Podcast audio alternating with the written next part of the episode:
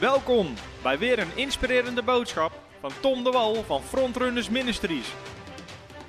We bidden dat je via deze aflevering geïnspireerd wordt in je leven met God en opgebouwd wordt in je geloof.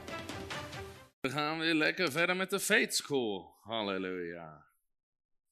Vanavond gaan we verder met onderwijs over geloof. En de titel van vanavond is Wat te doen als je geloof beproefd wordt.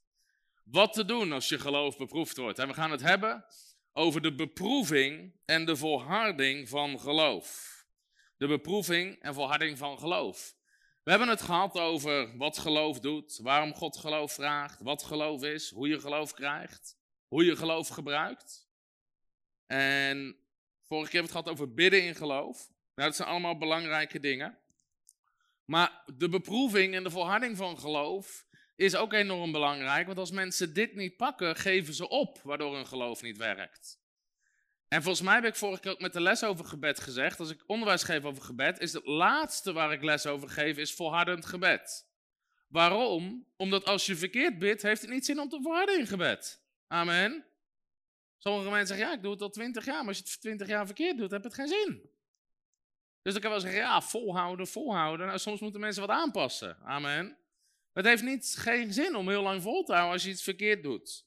Nou, hetzelfde geldt natuurlijk met geloof. Als je weet wat geloof doet, hè, je behaagt God, je wordt gered door geloof, je ontvangt waarvoor je bidt, je ontvangt Gods beloftes. Stel je voor, je gaat, God, je gaat geloof gebruiken voor een gebedsverhoring of uh, voor een vervulling van een van Gods beloftes. Je weet waarom God geloof vraagt, dus niet goede werken, niet hoop, niet slechts zijn wil.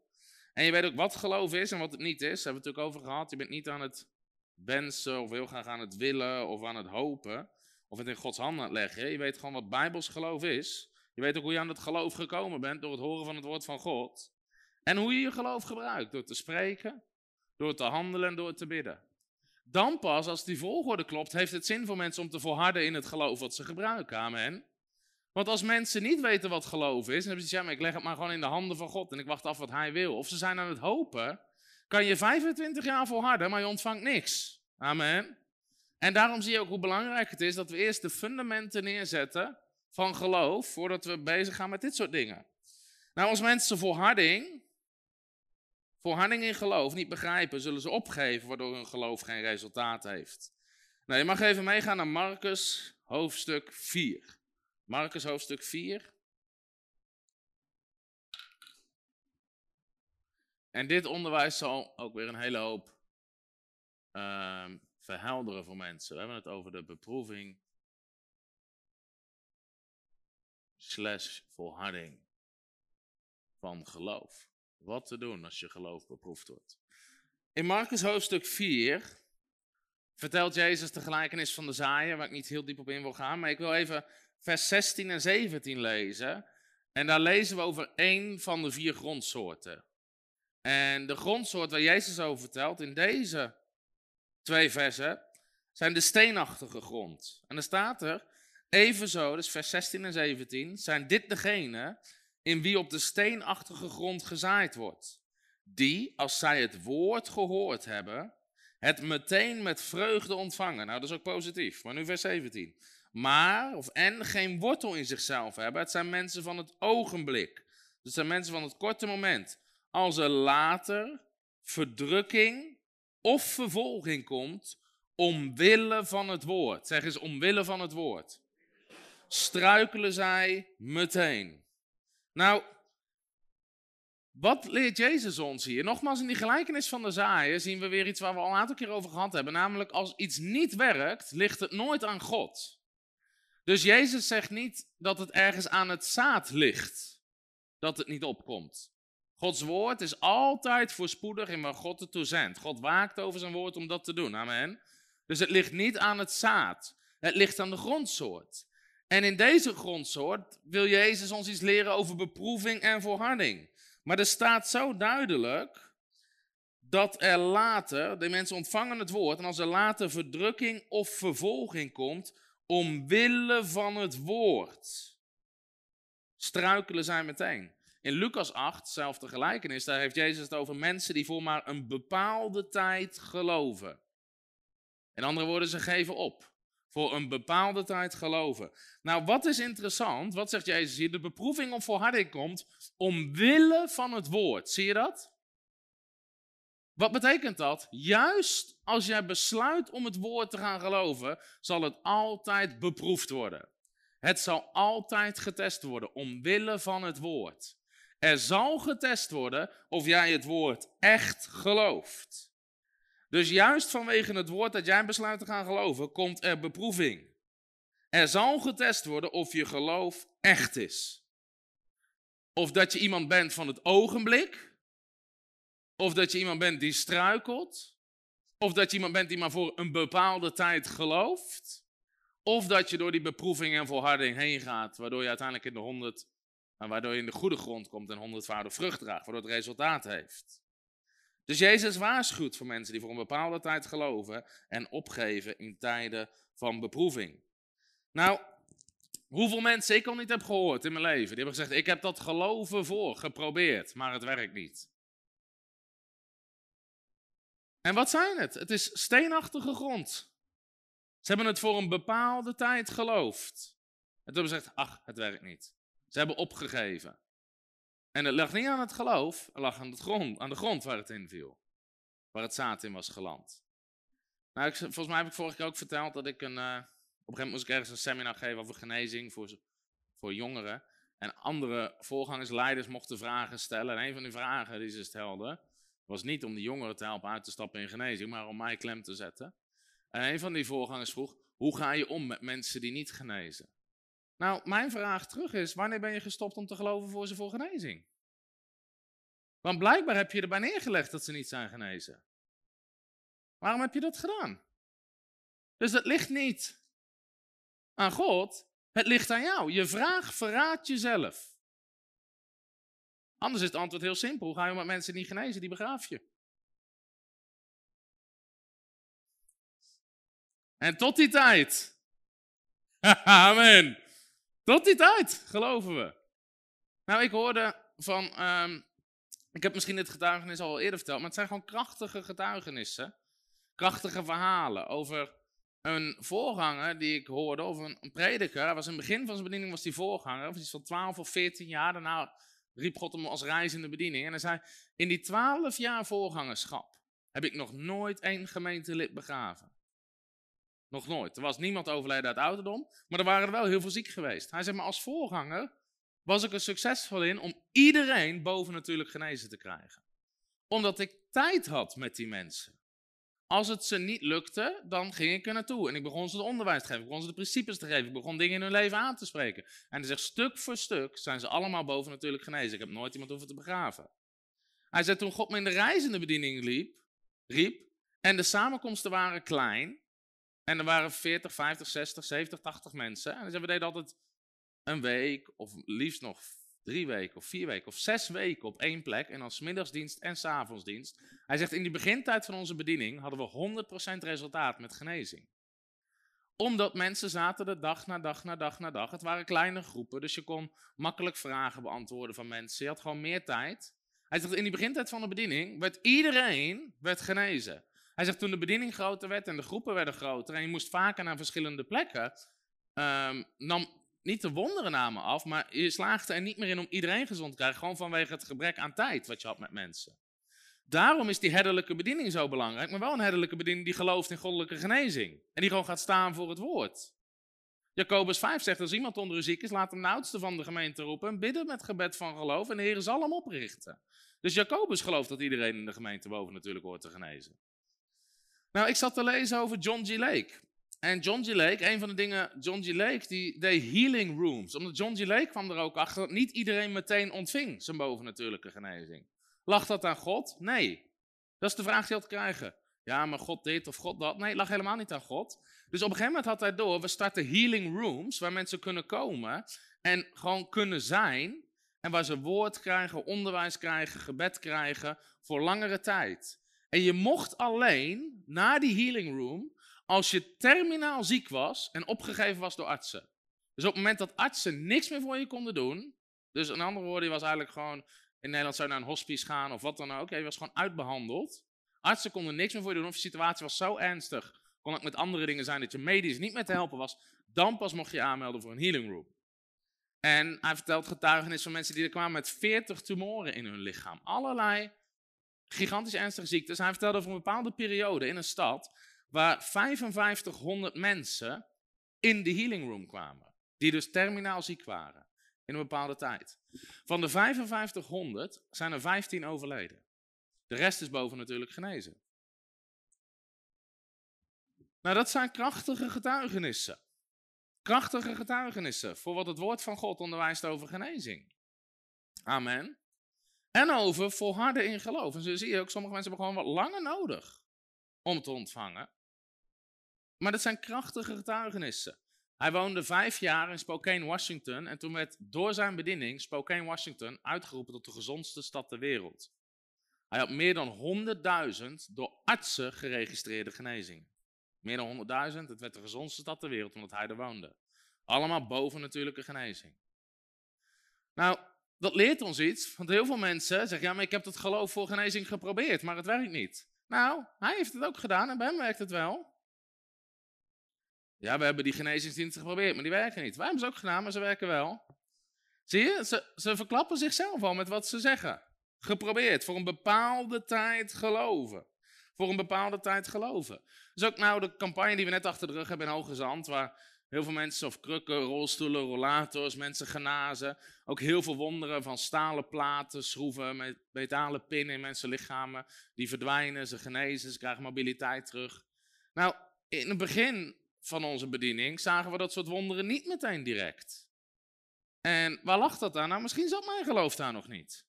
En misschien zat het geloof van de mensen waar ik voor daar ook nog niet. En dan kan je zeggen, ja, we hebben dat geprobeerd, maar dat werkt niet. Nee, het werkt wel, jij werkt niet. En nu zijn we tien jaar bezig en je ziet gewoon de kracht van God neemt toe. Je geloof neemt toe. Het geloof van de mensen die komen neemt toe. En de resultaten nemen toe. Gods woord werkt. Amen. Wij zijn degene die moeten volharden. Die moeten volharden. Nou, dus ook in mijn persoonlijke leven. Er zijn dingen soms waar je een korte tijd voor in geloof staat. Maar er zijn soms dingen waar je gewoon twee, tweeënhalf jaar voor in geloof staat. Voordat het gebeurt. Of nog langer. Het werkt altijd. Alleen soms wordt je geloof beproefd. Amen. Dus geloof werkt altijd. Maar er is niet altijd meteen een zichtbare verandering. Hetzelfde met Jezus met de vijgenboom. Hij vervloekte de vijgenboom en de dag daarna werd het zichtbaar. Nou, die verandering komt mits wij volharden in geloof. Mits wij volharden in geloof. Nou, in de periode tussen het geloven en laat ik het even zeggen, het zichtbaar worden, of ik doe, mm, nou ja, ik laat het even zichtbaar. Dat het zichtbaar wordt in de natuurlijke wereld, de tussentijd daartussen is het moment waarop je geloof beproefd wordt. En waarop je moet volharden in geloof. In de periode tussen dat jij je geloof vrijzet en tussen dat het zichtbaar wordt in de natuurlijke wereld, is de periode waarin je geloof beproefd wordt. En waarin je moet volharden in geloof. Nou, wanneer we de beproeving doorstaan, wanneer we die beproeving doorstaan, dan zullen we erachter komen, dan zullen we merken dat beproefd geloof kostbaarder is dan zuiver goud. Ga eens mee naar 1 Petrus 1, vers 6. 1 Petrus 1, vers 6.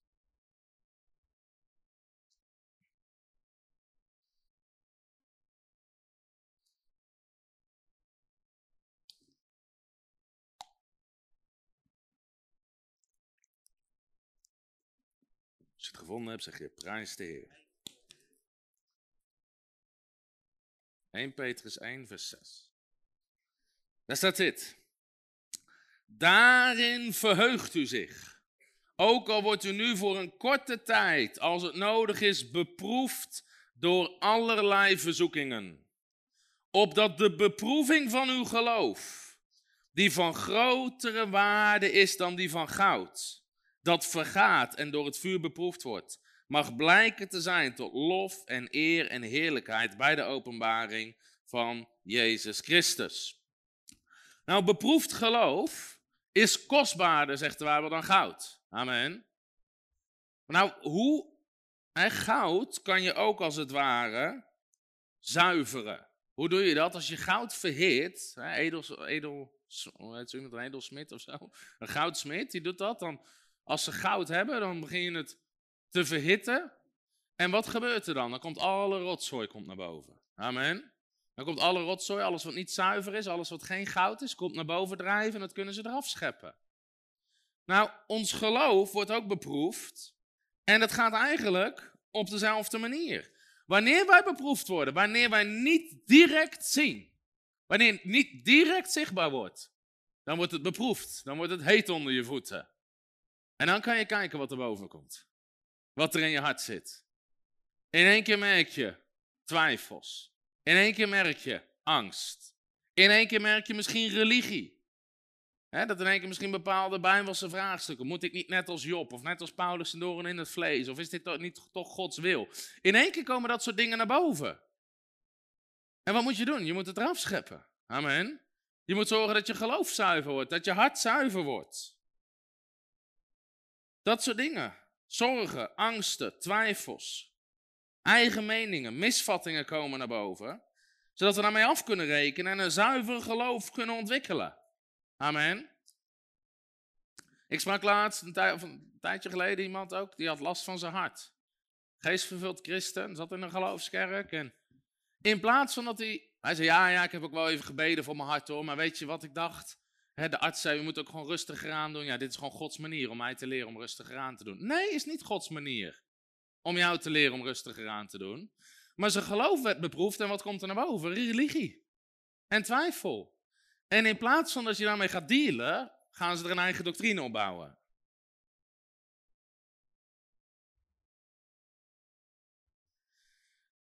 Dus wanneer we onder druk komen te staan, zien we wat eruit komt. Amen. Nou, als je een sinaasappel perst, komt de sinaasappelsap uit. Als je een christen perst, hoort de Christus uit te komen. Halleluja. dat zijn juist de momenten dat we, dat we de dingen van Christus ontwikkelen. Dus Gods beloftes, Gods woord, zuivert ons ook. Ga eens mee naar Psalm 105. Psalm 105. Nou, ja. Psalm 105 spreekt over Jozef. Nou, hoeveel weten dat Jozef kreeg een belofte van God? Amen. Hij kreeg een droom van God dat mensen voor hem zouden buigen, dat zijn broers voor hem zouden buigen. Hij had een belofte van God. En hij geloofde dat. En hij begon het overal rond te tetteren. Nou, hoeveel weten dat de droom van Jozef werd niet meteen zichtbaar. Zijn leven leek even totaal de andere kant op te gaan. In plaats van dat zijn broers voor hem buigen, bogen, keek hij boven van een put naar een paar zwaaiende broers. En toen zat hij in een karavaan naar Egypte. Dus werd hij als slaaf. Uiteindelijk werd hij nog beschuldigd van verkrachting. En eindigde die in de gevangenis. Nou, dat was niet echt wat hij dacht van, nou, dit is de belofte van de Heer. Maar wat gebeurde er in de tussentijd? Moet je kijken op Psalm 105, vers 17, 18 en 19. Hij zond een man voor hen uit. Jozef werd als slaaf verkocht. Men drukte zijn voeten vast in de boeien. Hij zelf kwam in de ijzers. Tot de tijd dat zijn woord uitkwam, heeft de belofte van de Heer hem gelouterd. Tot de tijd dat het woord van de Heer uitkwam, heeft de belofte van de Heer hem gelouterd. Dus dat woord wil jou zuiveren, wil je louteren. En Jozef ging goed door dat proces heen. Hij bleef nederig. Hij werd niet bezeerd om zo. Hij werd niet bitter. Hij was altijd aan het dienen, in de gevangenis, bij Potifar. De Bijbel zegt, ze hadden nergens omkijken naar, want Jozef nam al het werk uit hun handen. En uiteindelijk, op het moment dat hij zijn broers ontmoet, laat hij ze niet een kopje kleiner maken. En die macht had hij als man onder de onderkoning. Maar hij zegt, ik zie dat God me vooruit heeft gestuurd. En hij zag de hand van God erin. Maar tot die tijd heeft het woord van de Heere hem gelouterd. Nou, als het gaat om beproevingen, is het belangrijk om te weten dat testen of beproevingen kunnen uit drie verschillende hoeken komen. En het is goed om te weten waar je mee te maken hebt als het daarom gaat. Ten eerste, beproevingen kunnen van de duivel komen. De duivel wil jou beproeven. De duivel wil jou verleiden. De duivel wil jou misleiden. Jezus zegt, de dief komt niet anders dan te roven, te stelen en te vernietigen. Nou, de duivel is een dief. Maar wat is het eerste wat hij wil stelen uit je leven? Is het woord van God. Dat leert Jezus in de gelijkenis van de zaaier. Bij die eerste grondsoort staat er dan, in Lucas 8, zij bij wie langs de weg gezaaid wordt, ze zijn die het horen, maar de duivel komt en neemt het woord weg uit hun hart. Opdat ze niet geloven en zalig worden. Nou, de duivel probeert het woord van God te stelen uit je hart. Nou, deze mensen hadden wel het woord gehoord, staat er. Ze hoorden het woord, maar de duivel kwam en nam het weg. Nou, hoe kon de duivel het wegnemen? Hij probeerde ze te laten te verleiden om aan Gods woord te twijfelen. Met religie, traditie, dat soort dingen. Twijfels, redenaties. Nou, de duivel, beproevingen of testen van de duivel. De duivel is degene die je aanvalt. Die je aanvalt. Bijvoorbeeld op je gezondheid. God valt je niet aan op je gezondheid. De duivel is degene die mensen ziek maakt, zegt Handelingen 10 vers 38. Op je gezondheid, of misschien op je gezin, of op je financiën, of op je werk, of nou ja, allerlei gebieden probeert de duivel je aan te vallen met tegenstand en ellende. Nou, dat soort dingen komen niet van God. Het is de duivel die hoopt dat jij zegt, dit werkt niet, laat me zitten. En daarom moeten christenen ook leren de autoriteit die ze hebben. Ga eens mee naar 1 Petrus 5, vers 8. 1 Petrus 5, vers 8.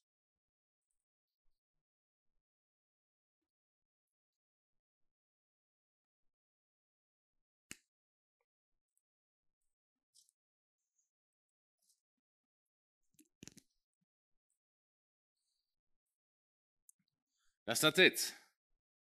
Wees nuchter en waakzaam, want uw tegenpartij, zeg eens mijn tegenpartij. De duivel gaat rond als een brullende leeuw op zoek naar wie hij zou kunnen verslinden. Andere vertaling zegt wie hij mag verslinden. Bied weerstand aan hem, vast in het geloof. Zie je dat? Bied weerstand. Hoe bied je weerstand aan de duivel? Vast in het geloof. Vast in het geloof. Dus je gebruikt je geloof. Dat is ook het schild van geloof. Bied weerstand, vast in het geloof. In de wetenschap dat hetzelfde lijden ook aan al uw broeders in de wereld wordt opgelegd. Nou, iedere christen heeft hiermee te maken. Met deze vorm van lijden dat de duivel je aanvalt. En de duivel je onderuit probeert te halen.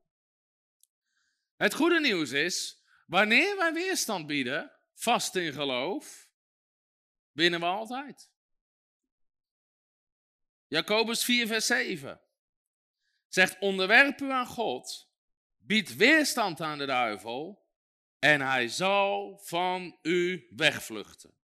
En hij zal van u wegvluchten. In andere woorden, jij wint altijd. Jij wint altijd. Amen. Zeg eens, ik win altijd. Halleluja. De duivel is een loser. Hij verliest, jij wint. Ik heb ook het eind van het boek gelezen. Wij winnen, hij verliest.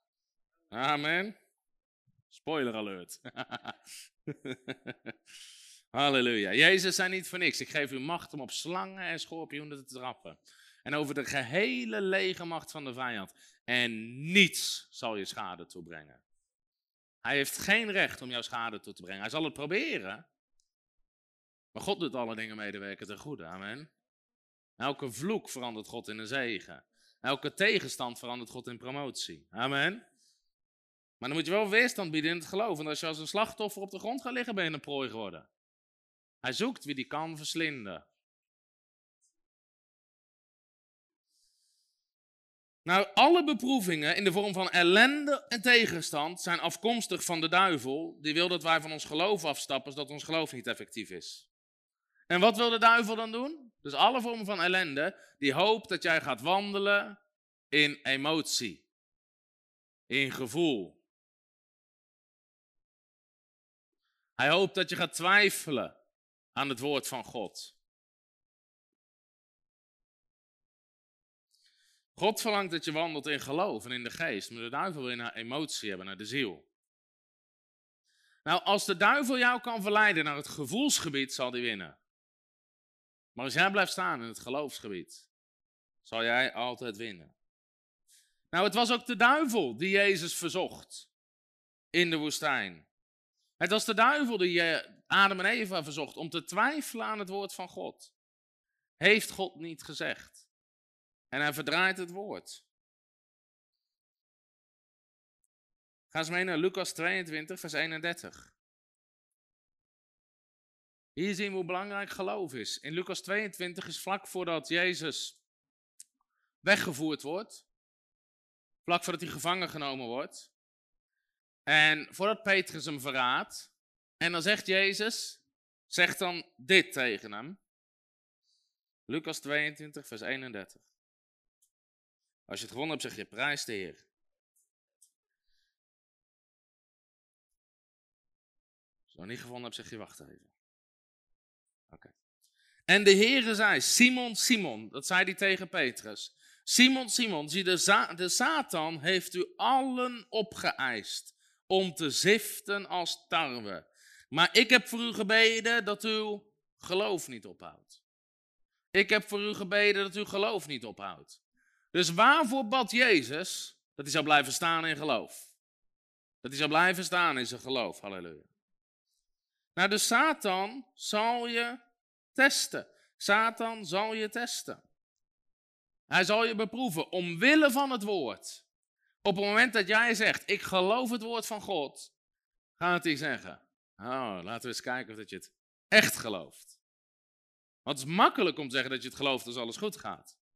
Het is makkelijk om te zeggen, ik geloof God voor genezing als je gezond bent. Het is makkelijk om te zeggen, ik geloof God voor voorziening als je een baan hebt met een vast contract en een vast salaris. Het is makkelijk om te zeggen, ik geloof God voor zijn zegen op mijn gezin als je al je kinderen de Heer dienen. Geloof wordt pas beproefd in tegenovergestelde omstandigheden. Amen. Dat is pas wanneer geloof beproefd wordt. Dus hij probeert altijd dat jij gaat twijfelen. Nou, hij zal iedereen wel eens proberen aan te vallen. Met ziekte. En dan, hoe ga je ermee om?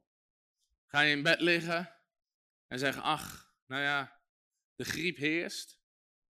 Jezus heerst, amen. Maar heel veel christenen denken, ach nou ja, het hoort er ook af en toe bij. Het hoort er ook af en toe bij. Het is griepseizoen. Of weet ik veel wat ze allemaal. Ach, één keer per jaar hoor je erbij. Ik heb een christen horen zeggen, ach ja, het hoort erbij om af en toe ziek te zijn, anders bouw je ook geen weerstand op. Petrus zei, biedt weerstand in het geloof, amen. Dat is een ander soort weerstand. Ach, we leven nou eenmaal in de tussentijd. Af en toe ziek zijn hoort erbij. Nou, wat mensen nodig hebben is pitbull-geloof. Amen. Wat zich vastbijt in die beloftes. En zegt door zijn streamen. Jezus heeft zijn streamen. Hebben genezing gekocht. Zijn lichaam is kapotgeslagen om voor mij genezing te betalen. Dus ik zal gezond zijn. Amen. Dat is wat je nodig hebt. Ik hoorde een verhaal van een voorganger. Was niet zo'n hele pastorale voorganger, maar wel een effectieve voorganger. En hij kwam bij een vrouw uit zijn gemeente en die was al volgens mij in de negentig. En ze had kanker en ze was stervende. En hij ging naar haar toe om voor haar te bidden voor genezing. En die vrouw zei, ach, al mijn kinderen dienen de Heer, het is goed zo. En hij zei, het is goed zo. Hij zegt, hoe egoïstisch kun je zijn? Al jouw kinderen dienen de Heer. Hoeveel kinderen zijn er die de Heer nog niet dienen? Die kan je toch bereiken? Hij zegt, en bovendien, de vrouw zegt, door zijn streamen zijn we genezen. Jezus' rug is kapot geslagen voor jouw genezing. Ga jij straks in de hemel komen en zeggen, ach heer, had u niet hoeven doen hoor. Voor mij had u niet gegezeld hoeven. Het was wel goed zo. Nou, dat is, dat is pastoraat. Maar die vrouw besefte wat ze zei. En ze zei, je hebt gelijk. En ze waren samen en ze genas. Halleluja. Nou, dus wat je nodig hebt is pitbullgeloof. Ik heb dit getuigenis misschien al eerder verteld, maar het is een krachtige getuigenis over toen Jan Sjoerd Pasterkamp nodigde hem uit op zijn bijbelschool om te spreken een dag over geloof. En dan word je beproefd omwille van het woord. De duivel dacht, oh, jij gaat geloof spreken? Laten we zien of je het echt gelooft. Dus die nacht, het was een donderdag dat ik de les moest geven, woensdag op donderdagnacht, werd ik hartstikke ziek. Echt hartstikke ziek. Dus ik heb vanaf volgens mij drie uur s'nachts in de badkamer doorgebracht. Ik heb wel acht, negen keer overgegeven. Ik was hondsberoerd, koorts, al die dingen. Maar ik zei nee. Ik ga vandaag lesgeven over geloof. Door zijn streamen ben ik genezen. Ik bad voor genezing, geloofde dat ik het ontvangen had. Ik sprak die koorts, ik sprak die griep, ik sprak die ziekte die mijn lichaam aanviel. Sprak ik aan, ik gebood om te gaan in Jezus' naam. Maar het werd niet meteen zichtbaar. En in de tussentijd wordt je geloof beproefd. Amen. Ja, en het werd later, en vier uur s'nachts, en vijf uur s morgens, en ik was nog steeds hartstikke ziek. En ik moest volgens mij rond zeven uur weg. Op een gegeven moment om zes uur s morgens komt mijn vrouw naar beneden. Die keek in de badkamer. En dan lag ik nog steeds hondsberoerd. En ze kijkt me aan, het is wat ze zegt. Dus, je gaat vandaag toch wel preken, hè? ik zeg wel eens, als de Heilige Geest je niet kan bereiken, stuurt hij je vrouw op je af. Halleluja. Mannen, amen of auw.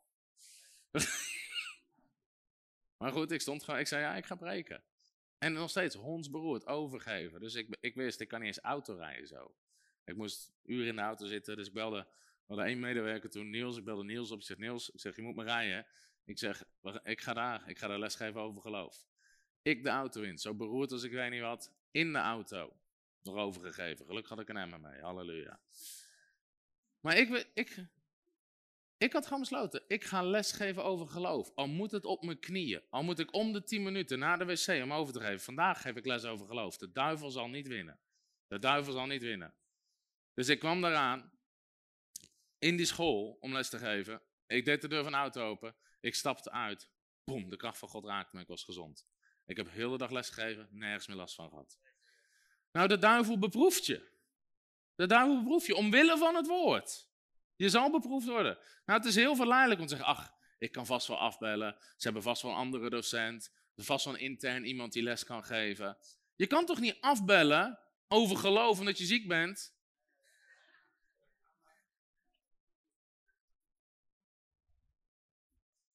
Ik had ook een tijd terug, toen we een grote genezingsdienst ergens te doen.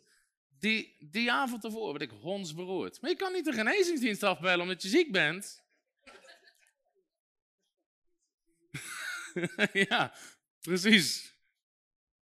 De cursus geef nooit op, gaat niet door. dus je begint je geloof te gebruiken, je bent weerstand te bieden, ook die dag. Gewoon, terwijl ik nog absoluut niet gezond was, ging ik er gewoon heen. En terwijl ik begon te preken, de kracht van God raakte me, ik was helemaal gezond, halleluja. Maar het is verleidelijk om te zeggen, ach, laat me zitten, of ach, maar dit. Of maar, weet je, dat is juist wanneer je geloof beproefd wordt, amen. Dus we hebben pitbull geloof nodig. Pitbull geloof. Nou, iedere keer dat de duivel me heeft aangevallen met ziekte, iedere keer heb ik boven natuurlijk genezing ontvangen. Soms binnen een uur, soms binnen een dag. Maar ik, heb, ik ben er nooit uitgeziekt, halleluja. Altijd boven natuurlijk genezing ontvangen. Nou, mijn geloof is beproefd op dat gebied. En het is kostbaarder dan goud. Want ik weet dat mijn geloof werkt. Als je niet weet of je geloof werkt, weet je niet wat je eraan hebt. Amen. Ze zeggen wel eens: A faith that has not been tested cannot be trusted. Een geloof wat nooit getest is, kan niet vertrouwd worden. Dat is heel makkelijk om te zeggen: ja, Halleluja, ik geloof dat God voorziet. Ja, lieverd, je hebt een baan van 40 uur met een vast salaris en een vast contract. En een pensioenvoorziening, amen. En daar is niks mis mee. Alleen je hebt geen idee of je geloof voor voorziening echt is. Dus pas in tegenovergestelde omstandigheden wordt je geloof beproefd. Dat zijn beproevingen van de duivel. Dat is niet God die je verzoekt. Maar ook God kan je testen. God kan je beproeven. Nou, wat test God? Onze gehoorzaamheid. Wat test God? Onze gehoorzaamheid. Je mag even meegaan naar Genesis. 22. Genesis 22. Als je het gevonden hebt, zeg je prijs de Heer. Genesis is makkelijk te vinden.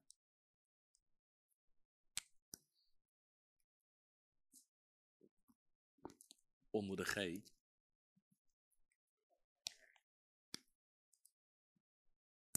Ik sprak een tijd terug iemand die las altijd de Bijbel-app op alfabetische volgorde. Ik kwam er na twee jaar achter. Hij zegt, ik dacht al, wat is die volgorde raar? nee. Toen kwam hij erachter dat de Bijbel begon in Genesis. in plaats van Amos. Nou, Het gebeurde na deze dingen, Genesis 22 vers 1, dat God Abraham op de proef stelde. Zie je dat? God beproefde Abraham. Hij zei tegen hem, Abraham, hij zei, hier ben ik. Hij zei, neem toch uw zoon, uw enige die u lief hebt, Isaac, en ga naar het land Moria en offer hem daar als brandoffer op een van de bergen die ik zo noemen zal. Nou, wat testte God? Testte de gehoorzaamheid van Abraham. Doe je wat God zegt? Als God je een geloofsdaad vraagt. Ik zet even geloofsdaad. De Bijbel zegt dat Abraham God zelfs vertrouwde dat God hem op zou wekken uit de dood. Hij zei bij zichzelf dat God bij machten was om hem op te wekken uit de dood. Dus God test je gehoorzaamheid. Ga ik eens even mee naar Deuteronomium. Onder de D. Deuteronomium hoofdstuk 8.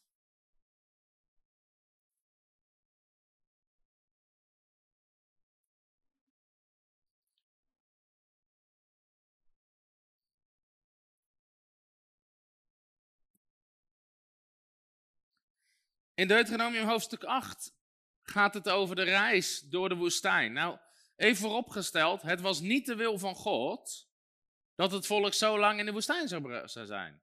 Vanaf de berg, Sinaï, waar ze de wet kregen, konden ze in elf dagen in het beloofde land zijn. Dat was een elf dagen reis. Maar ze geloofden God niet. Dus ze moesten veertig jaar langer daardoor brengen. Nou, wat wilde God? Wilde hun gehoorzaamheid testen in die tussentijd. Want ze waren niet gehoorzaam de eerste keer. Ze waren niet gehoorzaam. Dan staat er, u moet alle geboden die ik u heden gebied, vers 1, nou lettend in acht nemen, opdat u leeft, talrijk wordt en het land dat de Heer, uw vader onder ede belooft, binnengaat en in bezit neemt. Ook moet u heel de weg in gedachten houden waarop de Heer, uw God, u deze veertig jaar in de woestijn geleid heeft, opdat hij u zou verootmoedigen. Het volk moest nederig worden, ze waren te hoogmoedig. Ze waren opstandig tegen God. En u op de proef zou stellen, zie je dat? Hij zou ze op de proef stellen. Waarom? Om te weten wat er in uw hart was. Of u zijn geboden in acht zou nemen, in andere woorden, of je zou gehoorzamen of niet. Hij, vereen, hij verontmoedigt u, hij vernedert u. Hij liet u honger lijden, hij liet u mannen eten dat u niet kende en ook uw vaderen niet gekend hadden. Om u te laten weten dat de mens niet alleen van brood leeft, maar dat de mens leeft van alles wat uit de mond van de komt. De kleren die u droeg zijn niet versleten. Uw voet raakt niet opgezwollen in deze veertig jaar. Weet dan dat de Heer uw God u gehoorzaamheid bijbrengt. Zoals een man zijn zoon gehoorzaamheid bijbrengt. Zie je dat? Wat wil God je leren? Gehoorzaamheid. Zeg eens gehoorzaamheid. Nou, gehoorzaamheid is een van de belangrijkste dingen voor de christen. Gehoorzamen. Ik heb het vorige keer ook over gezegd. Heel veel christenen vervangen gehoorzamen door gebed. Denk als ik maar veel bid. Nee, als je gewoon gehoorzaam bent. Als je gewoon doet wat God zegt. Ik ga nu niet te diep op dit hoofdstuk in, maar het is een schitterend hoofdstuk. Want het leert ons over twee soorten testen. Namelijk, ze gingen door de woestijn heen waar God hun geloof testte als er niet genoeg was. En dan moesten ze God vertrouwen voor mannen uit de hemel. Maar dan zegt God, vanaf vers 18, zegt God, ik ga je in het beloofde land brengen, waar je zilver en je goud talrijk wordt, waar alles wat je hebt vermenigvuldigd zou worden. En dan zegt hij, dan moet u Heer uw God, de Heer uw God in gedachten houden. Hij is het die u kracht geeft om vermogen te verwerven. En je moet niet zeggen, vers 17, met mijn eigen kracht heb ik dit gedaan. Dus God test je als je niks hebt. Of als je weinig hebt. Of je Hem vertrouwt voor je voorziening. En dat vinden mensen vaak makkelijker dan de beloofde landtest. Veel christenen zijn niet klaar voor het beloofde land. Als je zilver en je goud talrijk wordt. Als God je extreem begint te zegenen. Ik zie heel vaak mensen die weinig hebben, vinden het makkelijker om veel te geven dan mensen die veel hebben. Want dan zeggen ze, ik heb dit toch verdiend. Ik heb dit toch gekregen. En daarom zegt God, wees op uw hoede dat u niet zegt, met mijn eigen hand en met mijn eigen kracht heb ik gedaan. We moeten Heer uw God in gedachten houden. Er is geen ik in het koninkrijk van God. Amen. Iedere hap lucht in je longen is niet van jou, is van God. Als je denkt dat je het zelf kan, hou geen lucht meer, we kijken ver je komt. ik denk een minuut of twee. En dan ben je klaar met je eigen kracht. Maar dat zijn twee soorten testen. Dat zijn twee soorten testen. Gaan we nu niet te diep op in, maar wat leert God je? Gehoorzaamheid. Gehoorzaamheid. En nogmaals, ik heb dus heel vaak gezien dat mensen die gigantisch veel hebben, niks los kunnen laten. En die test is voor veel mensen moeilijker dan de test als ze weinig hebben. En dat zie je ook in heel veel andere landen. Waar mensen weinig hebben, vinden ze het makkelijker om God te geloven. Dan, ook daar vinden ze het makkelijker om God te geloven voor genezing, dan wij in het Westen met al onze andere opties, medische dingen, etc. Maar God test je gehoorzaamheid. Amen. Nou, God beproeft niemand met ellende of ziekte. Jacobus zegt, laat niemand zeggen als hij verzocht wordt, ik word door God verzocht. Want God kan niet verzocht worden met het kwade. En hij, verzoekt zelf zo niemand. God is de vader der lichten. Amen. Dat is Jacobus hoofdstuk 1, vers 13. Dus God test je gehoorzaamheid. Nou, iedere christen, je gehoorzaamheid wordt getest. Op ieder moment. Op het moment dat mensen je pijn aandoen, benadelen. Word je bitter of vergeef je? Dat is een test van gehoorzaamheid. Heel veel dingen. Als je de kans krijgt misschien om te roddelen. Of iemand neer te halen met je woorden. Zelfs al heb je gelijk, het is een test. Ben je gehoorzaam? Wandel je in liefde? Alles is een test. Mensen beseffen het niet, maar bij God zit je altijd op examen. En je mag zo vaak herkansen als je wil, maar je komt niet verder in je leven. Zolang je blijft zakken. Geen mens, maar het is wel een goed woord. God test je gehoorzaamheid. Nou, dus ook op het gebied van geven. Durf je te geven wat God van je vraagt? Kijk, ik heb erover gesproken, een Lucas hoofdstuk 16. Geld is het minst in het koninkrijk van God. En heel veel christenen vinden het heel moeilijk om God te vertrouwen met hun geld. En geven is een gebied waar je op getest wordt. Sterker nog, ik durf te zeggen, als je nooit Gods stem hebt gehoord om grote bedragen te geven, versta je de stem van God niet. Ga ik nog een keer zeggen. Vijf amens en één auw. En de rest verbaasde gezichten.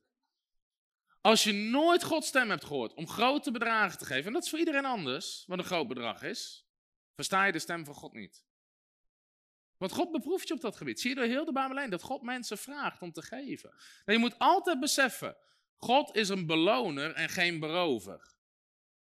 Dus God vraagt je nooit om iets te geven, zodat je er minder van wordt, want het is saaien en oogsten. Maar God test wel je gehoorzaamheid. De Bijbel zegt in Psalm 126, wie met tranen zaaien, zullen met gejuich oogsten. Sommige mensen zeggen, ik heb nog nooit een oogst gehad waar ik iets van merk. Nee, je hebt ook nog nooit een gift gegeven waar je iets van merkte.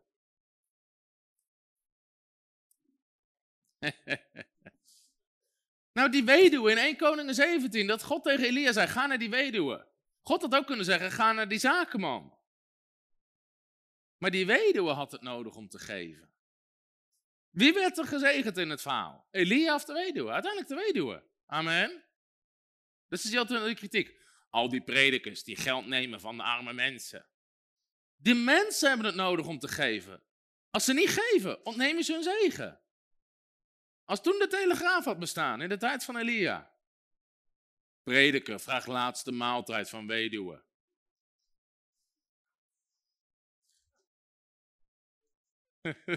ja, jongetje geeft zijn hele lunch aan Jezus.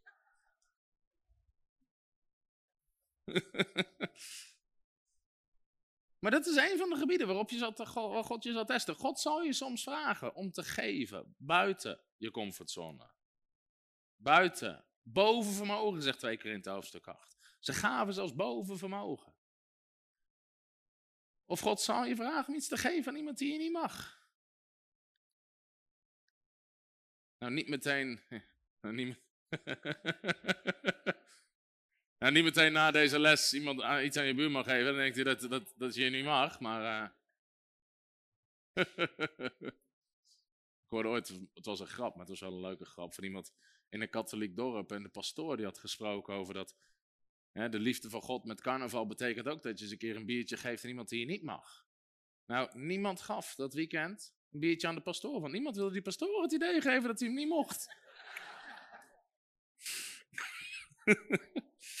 zeg eens, God test je gehoorzaamheid. nou, en dan heb je gewoon een derde soort beproevingen. Wat ik gewoon, je zou het gewoon dagelijks leven of gewoon dingen. Kijk, sommige dingen gebeuren. Sommige dingen is niet eens de duivel, is niet God. Het zijn gewoon dingen die gebeuren. Jezus onderwijst ons bij de dwaze bouwer en de wijze bouwer dat de stormen komen altijd. Amen. In het leven ga je gewoon bepaalde stormen meemaken. In Handelingen hoofdstuk 27, mag je even opzoeken. Handelingen hoofdstuk 27 lezen we dat Paulus in een storm terecht kwam. Waar hij beproefd werd. Nou, in de Bijbel lees je over drie soorten stormen. Zal ik hier dan ook meteen les over geven? Ja, blij dat jullie zo enthousiast zijn. In Marcus hoofdstuk 5 lees je over een storm van de duivel. Jezus was onderweg over het meer. Uit, uit, mijn hoofd is Marcus 5. Ik denk dat Marcus 5 is. Als ik ernaast zit, corrigeer me maar. In Marcus 5 is Jezus onderweg naar de man van de Gadarene. En terwijl hij onderweg is om die bezeten man te bevrijden, is er een storm. En het is een demonische storm die probeert Jezus weg te houden om die man te bevrijden. Jezus vervloekt, bestraft die storm, wees gemuilkorfd en die storm gaat liggen.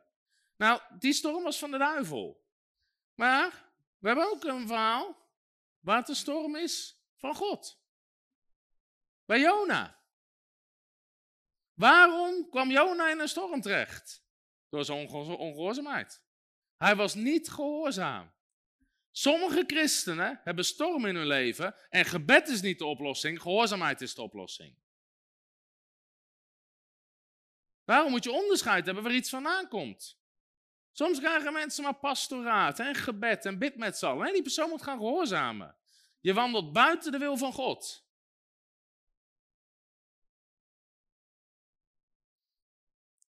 Dat was Jona. Maar in Handelingen over 27, daar komt Paulus in een storm terecht. Dat was niet de duivel, dat was niet God. Dat was gewoon een natuurlijke storm. En God had Paulus gewaarschuwd. Alleen Paulus zat gevangen en de rest van de soldaten wilde niet naar hem luisteren. Dus ze gingen alsnog. En zo kwamen ze in een storm terecht. Nou, even Handelingen 27, vers 10.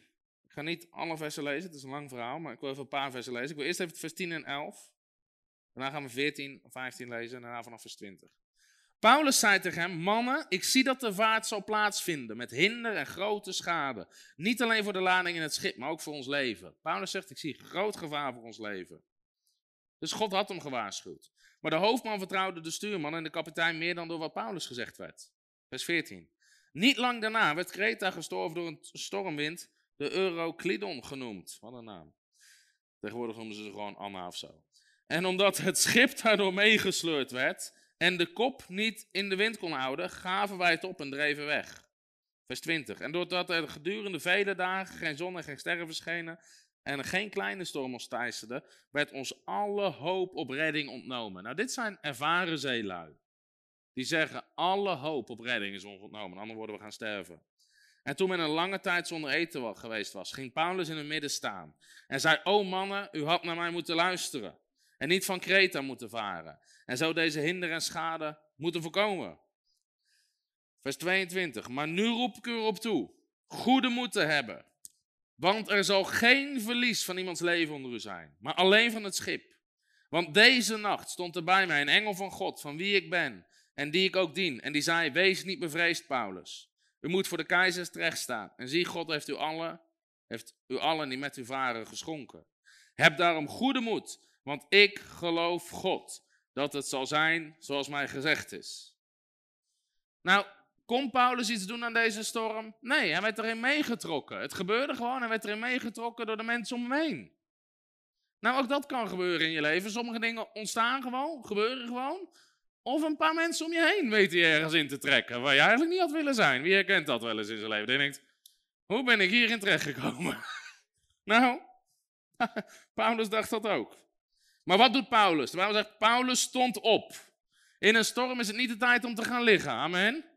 De duivel zoekt naar een prooi, naar een slachtoffer. Paulus stond op, zegt de Bijbel. Paulus was niet bang. Hij zegt, heb goede moed. Weet je nog wat we bij Jezus hebben gezien? Je hebt alleen autoriteit over de storm waar je in kan slapen. Amen.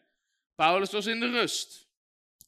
Paulus had geloof, vers 25.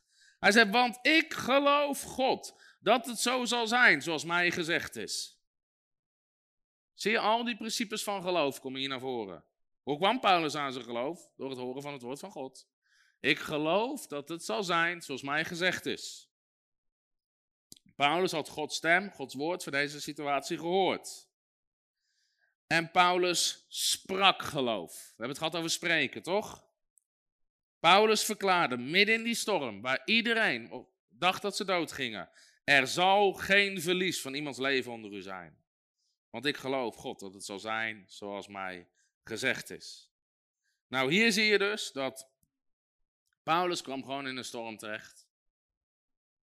Maar hij reageerde nog steeds in geloof. Dus hoe je er ook terecht komt, geloof is het antwoord. Amen. Je hebt geloof nodig voor gehoorzaamheid. Je hebt geloof nodig tegen de duivel. Je hebt geloof nodig waar je ook in zit. De rechtvaardige zal leven door het geloof. We gaan van geloof tot geloof. Nou, dit is denk ik duidelijk voor iedereen. Hè? Die drie soorten stormen en beproevingen. Nou, hoe gaan we om? Wat moet je dan doen? En hoe werkt dat? Daar wil ik even iets nog wat dieper op ingaan. Wat je gaat helpen. Hoe ga je daar mee om? En je mag even opzoeken. Jacobus hoofdstuk 1. Jacobus hoofdstuk 1.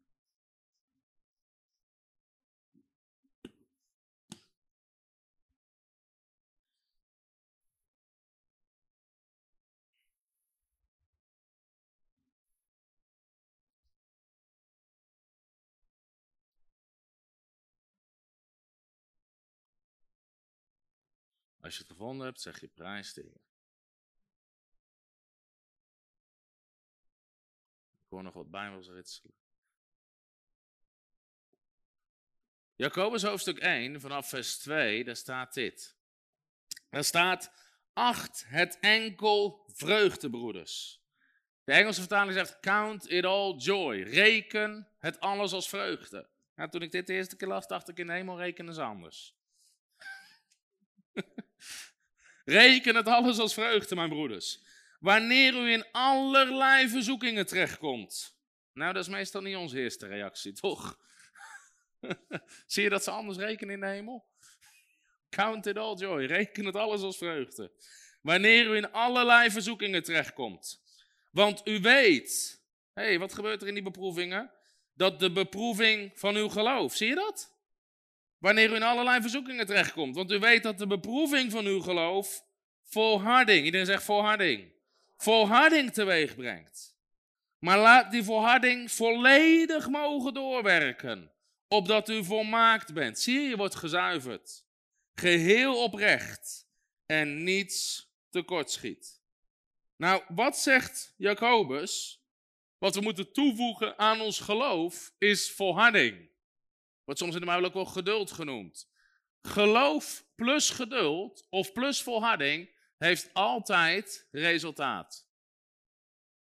Geloof plus geduld of plus volharding heeft altijd resultaat. Nou, die beproevingen hebben dus een doel.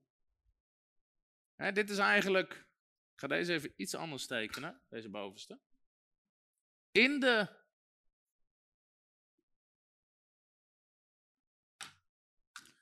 in de tijd, dus ons geloof nog niet zichtbaar is, dat is de tijd van beproeving. Schrijf ik hier even bovenop, beproeving. En wat zegt Jacobus? De beproeving van uw geloof, wat brengt dat teweeg? Volharding. Dus in die periode van beproeving ontwikkel je volharding. Zie je dat?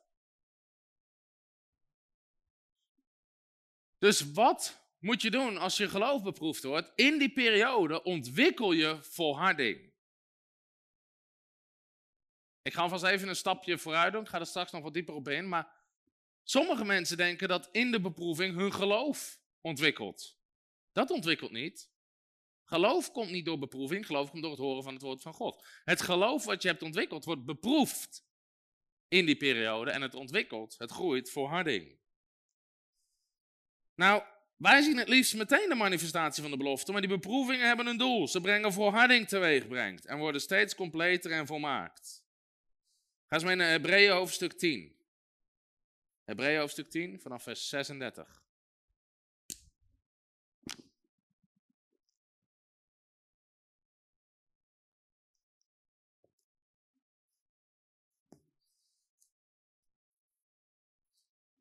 Nou helpt dit iemand al.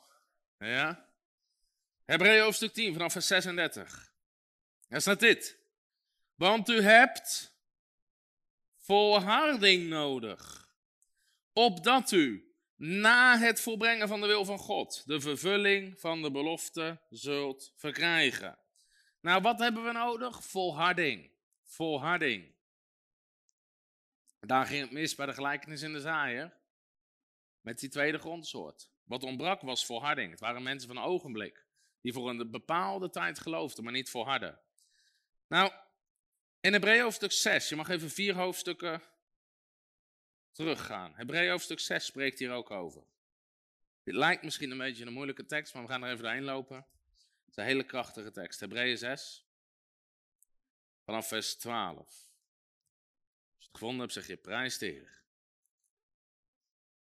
Hebreeën 6 vanaf vers 12. Daar staat dit. Opdat u niet traag wordt, maar navolgers bent van hen die door geloof en geduld de beloftes beërven. Hoe? Door geloof en geduld. Iedereen zegt en geduld. Zie, we hebben geloof en geduld nodig.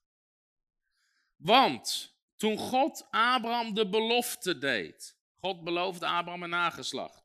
Zegt de Bijbel, zwoer hij bij zichzelf. Volgens mij kan in Nederlands ook zeggen, hij zweerde bij zichzelf. God zweerde. Omdat hij bij niemand die hoger was kon zweren. Wat doe je normaal met als mensen een eed zweren? Zeggen, ik zweer bij dit of dat. In andere woorden, als ik me niet aan mijn woord hou, mag je die persoon ter verantwoording roepen. Of dat is eigenlijk wat je zegt. Alleen dat kan je alleen doen bij iemand die meer gezag heeft dan jou. Maar God is de Allerhoogste, amen. Dus waarom zweerde God? Bij zichzelf. Vers 13, want toen God Abraham belofte heeft, zwoer hij bij zichzelf. God zegt, je mag mij ter verantwoording roepen als ik niet doe wat ik zeg. Omdat hij bij niemand die hoger was kon zweren. Dat zijn alleen problemen die God heeft. Hij zei, voorzeker, rijk zal ik u zegenen en overvloedig zal ik u in aantal doen toenemen. En zo heeft hij, Abraham, de belofte verkregen, na daar geduldig op gewacht te hebben. Mensen zweren immers bij iemand die hoger is dan zijzelf. En de eed, die tot hun bevestiging leidt, is het einde van alle tegenspraak. Dus normaal gesproken, als iemand ergens wat gezworen, was het einde van de discussie. Nou was het zo. Nu komt niemand er niet meer onderuit. Weet je, alsof je vandaag de dag ergens gewoon een juridisch contract betekent. Het is getekend, iemand komt er niet meer onderuit. Dat is wat een eed doet. Is het einde van alle tegenspraak. Omdat hij aan de erfgenamen van de belofte, Abraham, overvloediger, nou komt er weer een echte HSV-zin, de onveranderlijkheid van zijn raadsbesluit wilde bewijzen. Nou, de Engelse vertaling zegt, wilde bewijzen dat God nooit van gedachten verandert, heeft God die bekrachtigd met een eed. Dus Abraham hoefde nooit te betwijfelen, oh, komt God wel zijn belofte na? Hij zweerde zelfs bij zichzelf. Opdat wij door twee onveranderlijke dingen, wat is dat? De belofte en de eed. Waarin het onmogelijk is dat God zou liegen en sterke troost zouden ontvangen. Wij die bij hem de toevlucht genomen hebben om de hoop die voor ons ligt vast te houden. Nou, moeilijke tekst, maar een hele mooie tekst. Opdat u niet traag wordt, vers 12, maar navolgers bent van hen die door geloof en geduld de belofte beërven. Hoe beërf je, hoe ontvang je de beloftes? Door geloof plus geduld. Iedereen zegt plus geduld. Nou, een ander woord voor geduld in de Bijbel is volharding. Is volharding. Dus wat hebben we nodig? Je hebt niet alleen geloof nodig, je hebt ook volharding nodig. Het is geloof plus geduld. Of plus volharding, wat zorgt dat het uiteindelijk altijd resultaat heeft. Nou, geloof is een spectaculair thema. Als we het hebben over geloof, hoe krachtig geloof is. Maar geduld of volharding is dat ook. Alleen veel christenen beseffen dat niet. Als je een faith conference houdt, zit het helemaal vol. Maar ik weet niet als we een geduldconferentie houden, hoeveel mensen zich aanmelden. Misschien moet je dan geld toegeven bij de tickets in plaats van ze gratis maken. Maar nou zeggen we door geloof en geduld. Dus geloof is een heel erg krachtig hemels materiaal, maar geduld is dat ook. Geduld is een geestelijke kracht, is belangrijk, die actief werkt en je geloof ondersteunt. Misschien moeten we het eens. Geloof is een, of geduld is een geestelijke kracht die echt actief werkt en je geloof ondersteunt. Even kijken, kijk, je hebt geloof. Geduld is een geestelijke kracht die actief werkt en je, je geloof ondersteunt. Het is als het ware de ondersteuner, de pilaren, drukt, het houdt je geloof in de lucht. Als je verleid wordt om te twijfelen, is het je geduld wat blijft staan. Is het je volharding wat blijft staan. Als geloof de neiging heeft om te twijfelen, en dat is niet ons geloof, het is eigenlijk niet dat hemelse materiaal, maar het is onze ziel, hè, die, die neiging heeft om te twijfelen, is het geduld dat geloof versterkt en zorgt dat geloof sterk blijft staan. Dus geduld is nodig om geloof te ondersteunen. Je kan het zien als een soort twee componenten lijm. Ik weet niet of mensen wel eens hebben gewerkt met twee componenten lijm. Of soorten lak, hè? je hebt van die laksoorten. En als je dan één mengseltje hebt, dan kan je er ergens op smeren, maar het loopt er gewoon weer vanaf. En als je een ander mengseltje hebt en dat smeer je ergens op, loopt het er ook weer vanaf. Maar als je het samenvoegt en roert, dan, dan ontstaat er in één keer een twee componenten lijm of een twee componenten lak, wat hartstikke hard wordt. En, en samen hebben ze die kracht. Samen hebben ze die kracht. Nou, geloof en geduld zijn als een soort twee componenten lijm. Als je ze samenvoegt, heb je het meest krachtige mengsel wat er is. Dus je pakt geloof, gooi in een emmer. Geduld gooi in een emmer. En dan begin je te roeren. Amen. Als je het samenvoegt, heb je het meest krachtige wat er is. Wat doet geloof? Geloof pakt die belofte beet. En zoals waar of geduld je handen vastlijmt. Je vingers vastlijmt. Waardoor het gewoon niet meer loslaat. Het gaat samen. Geloof pakt het beet. En geduld of volharding is waar of het je hand dichtknijpt of het je vingers vastlijmt. Geduld zorgt ervoor dat er niet van afgeweken wordt. Nou, als je het samenvoegt, krijg je het meest krachtige wat er is. Omdat je niet opgeeft en niet beweegt op natuurlijke omstandigheden.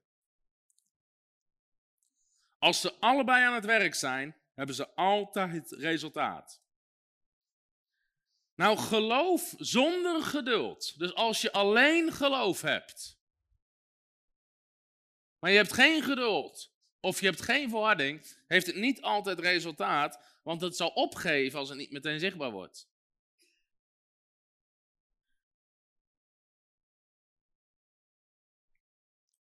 Als je geloof hebt zonder geduld, heb je niet altijd resultaat, want het zal opgeven als het niet meteen zichtbaar wordt. Sommige dingen gebruik je geloof voor, boem, en het gebeurt instant. Heb je geen geduld nodig, heb je geen volharding nodig. Het is daar meteen. Maar dat is niet altijd zo. Wat als niet meteen die vervulling daar is, dan heb je geduld en volharding nodig. Nou, geloof zonder geduld zal dus vaak falen, omdat het opgeeft en verleid wordt om te twijfelen. Door de natuurlijke omstandigheden. Als je het niet meteen ziet en je hebt geen volharding en begint te twijfelen, mis je de manifestatie. Mis je dat het altijd zichtbaar wordt. Nou, we hebben dus geloof en geduld nodig. Want als we wel geduld hebben, maar geen geloof, dat heeft helemaal geen resultaat. Sommige christenen kunnen heel goed wachten. Ik wacht op de Heer. Lieve schat, je wacht al 78 jaar op de Heer. Ik denk dat de Heer wacht op jou, tot je een keer geloof gaat gebruiken. Sommige mensen hebben alleen maar geduld. Maar daar zit geen kracht achter om iets te ontvangen. Daar zit geen kracht achter om iets te veroorzaken. Amen. Dus je hebt allebei nodig. Geduld zorgt ervoor dat ons geloof standvastig is en blijft volharden. Nou, ik vind volharden persoonlijk is een term die ik liever gebruik dan geduld. Omdat heel veel christenen denken bij geduld aan te passief zitten wachten. Maar volharden toont een bepaalde houding aan. Toont een bepaalde houding aan. Je bent aan het volharden, je bent aan het volhouden. Dus Gods soort geduld is niet passief wachten of er iets gebeurt. Gods soort geduld, je geduld zit gekoppeld aan je geloof. Dus je bent actief aan het verwachten dat het gebeurt en je wijkt er niet vanaf. Nog een keer, Gods soort geduld is niet passief wachten of er iets gebeurt, maar je geduld zit aan je geloof gekoppeld. Dus je bent actief aan het wachten dat het gebeurt.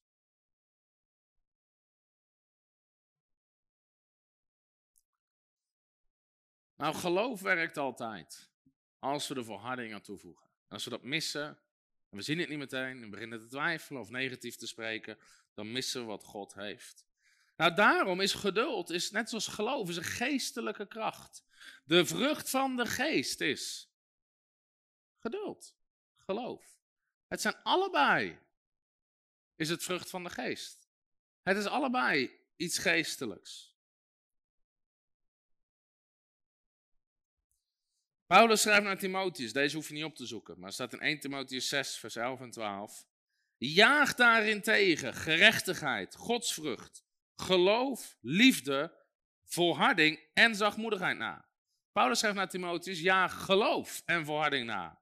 En zegt hij, strijd de goede strijd van het geloof. Strijd de goede strijd van het geloof. Nou, de Bijbel noemt geloof dus soms een strijd. Waarom? Soms is het een strijd om geloof te krijgen ergens voor. Heeft dat wel eens gemerkt? Als je besluit van, nou, ik ga God hiervoor geloven en al je natuurlijke omstandigheden, je gevoel, je emoties, de mensen om je heen, alles en iedereen is tegen. Dan kan het een hele strijd zijn om geloof te krijgen. En daarnaast is het een strijd om in geloof te blijven staan. Dus we zeggen, strijd de goede strijd van het geloof.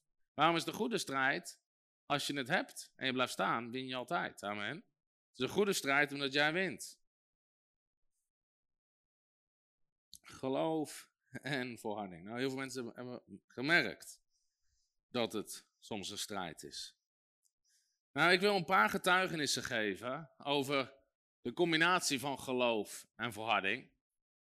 En eentje heb ik al een keer verteld hier, dus die wil ik maar heel kort even aanhalen. Maar dat was dat getuigenis van het gezin wat in geloof ging staan voor een zoon voor autisme. En dat weten we nog. En twee jaar lang dat er niks veranderde. Twee jaar lang. En toen kwam de verandering, toen kwam de doorbraak. Nou, heel veel mensen zijn geneigd om op te geven voor die tijd.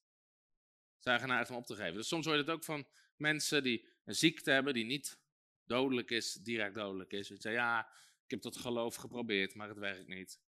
Nou, vaak bedoelen ze, ze hebben het een, dag geprobeerd. Of ik heb het een week geprobeerd. Of ik heb een keer voor me laten bidden. Of ik heb een keer. De meesten hebben niet lang in geloof gestaan. Hebben een keer voor zich laten bidden, ach zie je, het werkt niet. Vervolgens gaan ze overal rond met, ach ja, ik heb ook voor me laten bidden, maar zie je dat er niks gebeurt. Het is niet altijd zo. Als mensen blijven staan, als ze aan hun geloof volharding toevoegen, heeft het altijd resultaat. Amen. Nou, een ander getuigenis, wat ik vertel ook in mijn boek Jezus aanraken, is het getuigenis, en dit is echt een schitterend getuigenis, van Dodie Osteen. Dodie Osteen was de vrouw van John Osteen en John Osteen was een bekende geloofsprediker in Amerika. En op een gegeven moment, een van de dingen die Dodie Osteen schrijft, zegt, het woord van God is extreem belangrijk voor mensen die gevecht hebben met hun gezondheid. Het is hun enige hoop. Ik zou gestorven zijn als ik het woord van God niet had. Nou, wat was haar verhaal? Ze was 48 jaar oud in 1981 en ze voelde zich toen een tijdje niet lekker. En ze was dus maar 48. Ze ging naar de arts, ging naar het ziekenhuis. Op een gegeven moment ze dacht, deze knap wel op, maar ze ging op een gegeven moment naar het ziekenhuis. En die artsen legden eronder een scan en ze kwamen erachter dat ze leverkanker had, wat uitgezaaid was in haar hele lichaam. En nog een ander probleem voor mensen die een beetje bekend zijn met kanker. Soms heb je ergens een hoofdtumor zitten met kanker. En die zorgt voor uitzaaiingen naar andere plekken. Volgens dat een melanoom of dat soort dingen kan je mee te maken hebben. Het probleem was, uh, die leverkanker was niet de hoofdtumor. En de hoofdtumor wisten ze niet welke dat was. Het was al uitgezaaid. Dus de artsen zeiden tegen haar, u heeft twee of drie weken te leven, hooguit. En we kunnen chemo geven, je kan onmogelijk genezen, we kunnen het hooguit verlengen met twee of drie weken. Dus de keuze die ze natuurlijk had was of sterven binnen drie weken, of binnen zes weken, maar dan vol met ellende en chemo vanaf nu. Dus ze ging naar huis met de man John en ze besloten God te gaan geloven voor genezing. En ze wist, ze zei, op dat moment betekende deze beslissing, ik moest puur uit geloof gaan leven, want in het natuurlijke was het al klaar. Ze had geen andere opties meer. Ze had geen andere opties meer. Nou, we zijn helemaal niet tegen medische wetenschap. Sterker als mensen vragen, wat moet ik doen? Moet ik naar het ziekenhuis of niet? Grijp alles aan, zeg ik altijd. Grijp alles aan om gezond te worden. Grijp alles aan om gezond te worden. Alleen ik heb ook wel gezien dat sommigen zeggen, onbewust beginnen veel meer te vertrouwen op, op het medische dan op God. Zelfs als de arts hebben gezegd, we kunnen niks meer voor u doen, gaan ze meedoen met allerlei testonderzoeken en dingen om maar te vertrouwen op iets menselijks. En ze hebben daar soms nog meer vertrouwen in dan in God. Nou, in het natuurlijke was het klaar. Omdat haar man een grote bekende voorganger was, die ook op televisie zat, belde allerlei genezingsbedieningen, bekende genezingsevangelisten kwamen langs. Theo Osborne, Kenneth Hagen, Oral Roberts, grootste, een van de grootste genezingsbedieningen in Amerika. Um, allemaal dat soort predikers, die kwamen langs. En die gingen voor haar bidden, die baden via de telefoon. En toen, op een gegeven moment, kreeg ze een openbaring van God in de nacht. Dat God tegen haar zei, het zal niet het geloof zijn van Kenneth Hagen of Oral Roberts of T.L. Osborne wat jou zal genezen. Jouw geloof zal je genezen. En ze besefte op dat moment, en dat is ook wat ik onderwijs in mijn boek Jezus aanraken. Als iemand een babychristen is, is het oké om ze te helpen en te blijven helpen. Maar zij was een vrouw van een bekende geloofsvoorganger. En de Bijbel zegt, de rechtvaardige zal wandelen door het geloof. Niet door het geloof van een ander. Het is niet erg om soms voor je te laten bidden, of dat je soms mensen nodig hebt om met je te staan in geloof. Maar in hun geval, ze waren al superlang voorganger, waren geloofspredikers. En ze beseften, het zou niet goed zijn als ik nog steeds het geloof van een ander nodig heb, als ik ga teren op het geloof van een ander.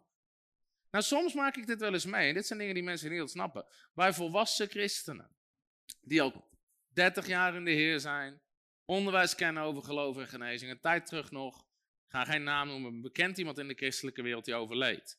Nou, een tijd voordat die persoon overleed, ontmoette ik die persoon. En het enige wat ik hoorde was, Benny heeft voor me gebeden. Die heeft voor me gebeden. Die heeft voor me gebeden. Het enige wat die persoon deed, was vertrouwen op iemand anders geloof.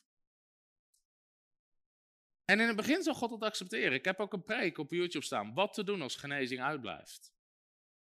Waar ik dus heb gezien dat mensen, en er zijn zoveel getuigenissen van mensen die gewoon naar een genezingscampagne gingen, daar genezen werden. Vijf jaar later weer ziek worden, naar dezelfde genezesevangelist gaan en niet genezen. En dat ze dan de openbaring krijgen van God, nu zal je het zelf moeten gaan ontvangen door jouw geloof.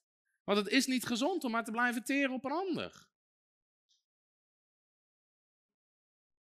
Ik heb gelijk, nou predik het ook. Dankjewel. Nou, toen ze thuis kwam, dus uit het ziekenhuis, was het zo slecht. Ze woog nog geen 40 kilo en was helemaal verzwakt. En ze zei, en dit is gewoon haar geloofsproces, maar het is wel bemoedigend. Ze zei van, joh, in het natuurlijke, je lichaam is zo vol kanker, je bent zo ziek, je bent zo moe. Ze zegt, je bent geneigd om gewoon de hele dag op bed te gaan liggen en tussendoor te slapen. Maar zei, ik wist, als ik dat doe, kom ik in een ziektemodus terecht, in een identiteit van ziekte. Daarom schrijf ik in mijn boek Jezus aanraken, en daar heb ik heel veel kritiek op gehad. En daarom blijf ik het prediken. Een van de stappen voor genezing van mensen is laat je identiteit van ziekte los. Want mensen bouwen een identiteit op hun ziekte. Ze denken dat bij. En zij zeggen gewoon: dit hoort niet bij mij. Dus ik weiger ook mee te gaan in dat patroon. Nou. Dus ze besloot: ik slaap alleen s'nachts. En ik ga God geloven voor mijn genezing. En zei: ik, ik geloof dat het woord van God waar was. Maar ik kon de kanker voelen in mijn lichaam. Als ik liep, voelde ik de pijn. Voelde ik dat soort dingen. En het woord van God zei dat ik genezen was, maar mijn lichaam voelde helemaal niet zo. Ik had alle symptomen nog steeds van de kanker.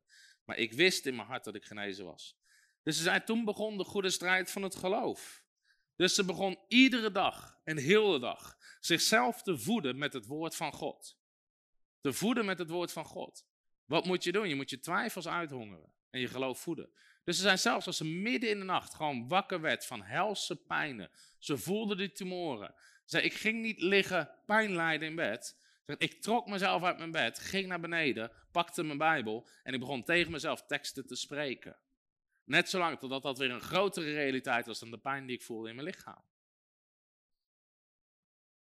ik ging een foto boven mijn bed van mijn trouwjurk, zodat ik eraan herinnerd werd hoe goed ik me die dag voelde en dat ik nog jaren getrouwd zou zijn. Ik ging een foto op van paardrijden, want ik geloofde dat ik dat weer zou doen. En zei, ondanks de symptomen wist ik dat God geen leugenaar is. God is getrouw. God is getrouw. Ze zegt ook, soms vroegen mensen mij of ik eens last had van angst. Nou en of dat ik aangevallen werd door angst. Enorme aanvallen. Soms nam angst mijn denken over. Zeg, ik wil eerlijk tegen zijn, ik ben de vrouw van een voorganger en geloofsprediker, maar ik ben ten eerste gewoon mens. Ik heb gevoel en gedachten, net als ieder ander. Ik moest hard werken om mijn angst en geloof af te leggen en in geloof te staan. En vaak viel Satan mij aan met de woorden van de dokter. Je hebt nog een paar weken, je hebt nog een paar dagen. En iedere keer als Satan zei, je zal sterven, pakte ik het woord, ging terug naar het woord en las dat hij me een lang leven zou geven. Je, daar hebben we het over gehad, over wat je moet doen als je twijfelt. Je gaat iedere keer terug. Iedere keer terug. En uiteindelijk, ook haar familie hielp er om in geloof te blijven staan. Maar het was een heftig proces, zei ze. En net zolang tot op een gegeven moment draaide de situatie om en ging ze zich steeds beter voelen, totdat ze zich gewoon weer helemaal goed voelde. En het was twee jaar na de eerste uitslag, toen pas besloot ze, door de arts had je twee weken, twee jaar daarna besloot ze om zich weer te laten testen. Ze ging naar de arts, die onderzocht haar en alle kanker was uit haar lichaam. Alle kanker was uit haar lichaam. En vandaag de dag leeft ze nog steeds. Ze leeft nog steeds. Ze is nu 88 of 89 jaar. Heeft een boek geschreven met de getuigenis. Maar dat is zo'n krachtig getuigenis. De artsen konden niks meer voor de doen. Konden niks meer voor de doen. Dus ze pakte, het enige wat ze pakken konden, was het woord van God. En ze overwon. Maar je leest in haar boek wat voor strijd het was. Wat voor strijd het was en wat voor haar vroeg om te geloven. Nou, soms ontmoet ik dus wel eens, ook in onze diensten of in seminars, mensen met kanker. En met alle respect, maar ik zie slechts zelden de houding die Dodi Ostin had. Heel veel mensen zitten in een slachtofferrol. Bid voor mij. Soms zijn kom naar een geneescampagne, kom iedere avond. Uh, ik kan niet iedere avond. Wat heb je te doen wat belangrijker is? Echt waar, soms ontmoet ik mensen waar de artsen niks meer voor kunnen doen. Zeg ik, kijk onze healing school. Lees Jezus aanraken.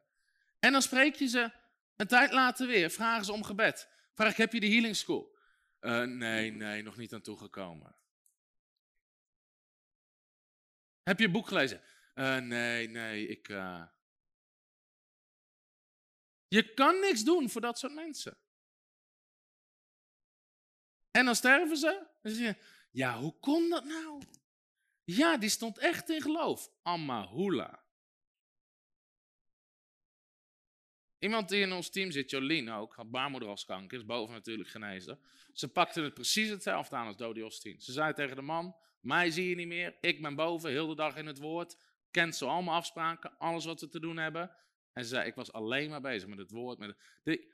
Op dat moment, je hebt niks belangrijkers te doen. Dan dat. Dus heel veel christenen missen die pitbull mentaliteit. Die pitbull mentaliteit. Dat ze er ergens in vastgrijpen. En er gewoon voor gaan. En het enige wat ze doen is andere vragen voor gebed. Andere vragen voor gebed. Het zal niet altijd het gebed zijn van anderen wat je gaat helpen, lieverd. Dit is de tijd dat jij op moet gaan staan. En dat zijn dus dingen. En dan komen volgens, ja, ja, die en die, die is ook niet genezen. Nogmaals, ik zie maar heel weinig de houding die een Dodi Ostin had. Of die bijvoorbeeld een Jolien had.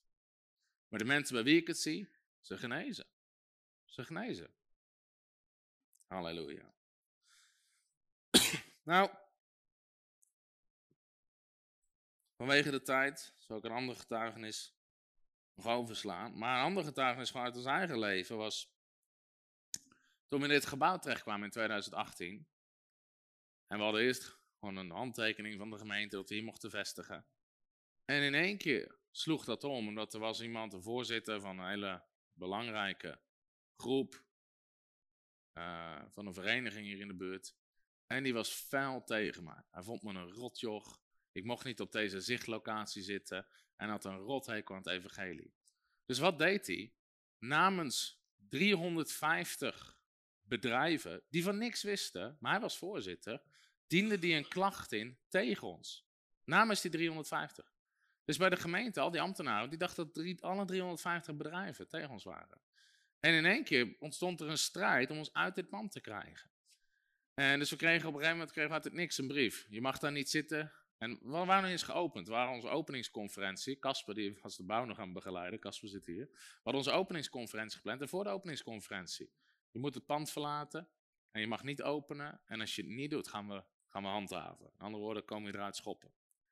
En, uh, en er ontstond een geestelijke strijd. Die ambtenaar die die brief afgaf. Ik zei, dit klopt niet. Ik we gaan gewoon openen. Hij, ik zei, we verzinnen een oplossing. Hij zei, als jij iets verzint, verzin ik weer iets anders om je eruit te krijgen. Dat soort dingen hadden we constant mee te maken. Met wethouders, burgemeesters, ambtenaren. In één keer ontstond er een geestelijke strijd. En uiteindelijk, we bleven gewoon staan in geloof. We bleven gewoon staan in geloof. En alleen in die tijd, ieder telefoontje, alles was negatief, brieven negatief, alles was... Het was alleen maar pushen, pushen, pushen om eruit te krijgen. En alles leek de verkeerde kant op te gaan. Op een gegeven moment kregen we iemand die ons juridisch hielp. En die zei zelfs, je staat met 3-0 achter. Ik heb geen idee hoe dit kan winnen. En, maar het was gewoon een periode waar we in geloof stonden. Het was een van de meest heftige periodes van mijn leven. Want ondertussen moet je gewoon dealen met alles wat op je afkomt. Je kan het niet totaal negeren. Je moet komen met antwoorden. Wat we ook antwoorden, er werd altijd weer iets anders verzonnen. Want ze wilden ons toch wel uit hebben. Dus op een gegeven moment zeiden ze, ja, jullie aantal parkeerplekken klopt niet. Dus wij uitgerekend met gewoon de norm die er is. Het klopt wel. Wij weer terug. Het klopt wel. Uh, nee, we hebben het hele blok van gebouwen gepakt. En als je dat pakt, klopt jullie aantal parkeerplekken niet. Ik zeg, maar dat zijn niet onze gebouwen. Ja, maar ja, zo staat het wel in kadaster. Gewoon de meest bizarre dingen waar we constant mee te maken kregen. Allemaal gewoon push om eruit te krijgen. Op een kwam er een ambtenaar, je moet alle vloer bedekken. Ik moet je brandwerend hebben. Dus je moet voor 100 euro's brandwerend materiaal kopen en dat erop spuiten. Gegeven moment kwam de ambtenaar, kwam het controleren. Hij zegt, ja, ik kan het moeilijk in de fix zetten om te controleren. Stonden gewoon die bussen die honderden euro's kosten, stonden er leeg. Hij zegt, maar ik weet niet of je het erop gespoten hebt. Misschien heb je het hier wel door het putje gespoeld. Dus ze bleven gewoon pushen, pushen, pushen. Gewoon om, gewoon om eruit te krijgen. Maar we bleven staan in geloof. We bleven staan in geloof. Weet je, en de Bijbel zegt, iedere tong die aanvalt, iedere tong, ieder wapen wat tegen je gesmeed wordt, amen, zal niks uitrichten. Nou, Iedereen die zich in die tijd tegen ons keren, is weg. Die hele vereniging bestaat niet meer. Die ambtenaren zijn weg. Die wethouders zijn weg. De burgemeester is weg. Maar wij zijn er nog. Halleluja.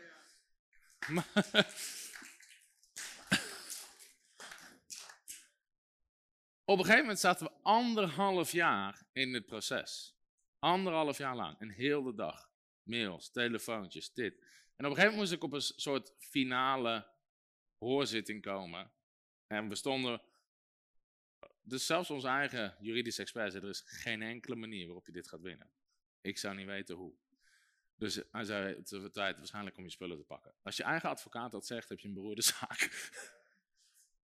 en, maar we wisten gewoon op. Ik weet niet hoe, maar God gaat dit ding omkeren ten goede. Nou, al die tijd, in die tijd dat ik aan het bidden was, God zei me één ding: het komt goed. Ik wilde af en toe meer weten. Snap je? Dat ik dacht, heer, iets meer, iets meer dan drie woorden. Na anderhalf jaar, hoe komt het goed?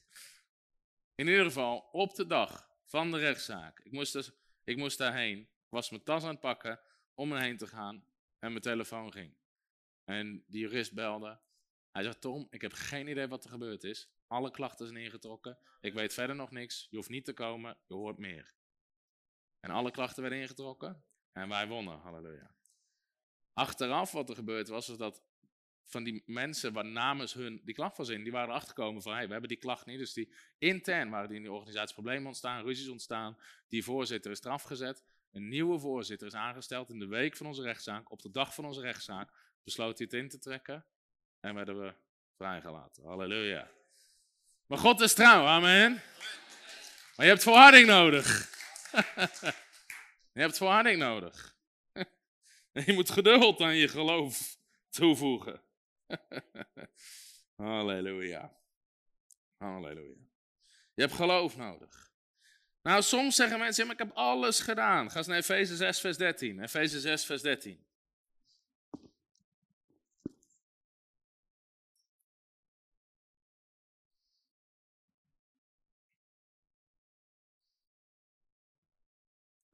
Efeze 6, vers 13. Daar staat dit.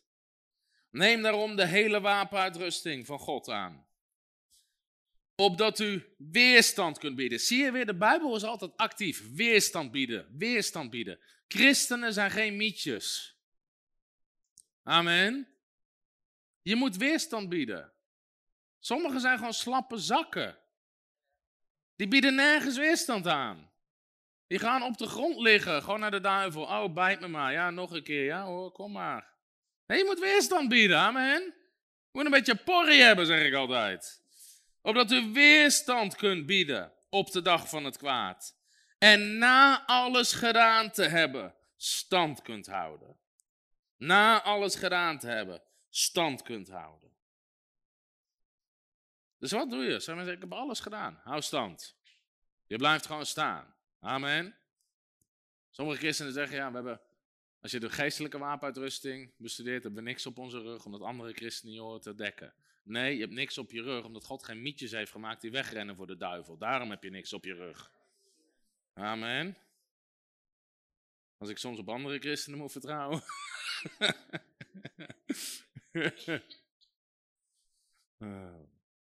nou, wat is er nog belangrijk hierover? Een van de grootste misverstanden is dat mensen denken dat beproeving geloof ontwikkelt. Maar dat is niet zo. Geloof komt door het horen van het woord. Beproeving ontwikkelt volharding. Weet je nog, Jacobus 1 vers 2, want u weet dat de beproeving van uw geloof volharding teweeg brengt. U ontwikkelt in dat vasthoudendheid. Ga eens mee naar Romeinen hoofdstuk 5. Romeinen hoofdstuk 5 vers 3.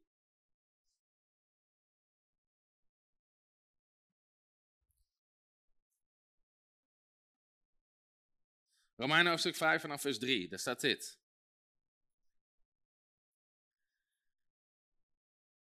Als je het gevonden hebt, zeg je prijs de Heer. En dit niet alleen, maar wij roemen ook in de verdrukkingen. Roemen betekent dat we scheppen op of we zijn blij in de verdrukkingen.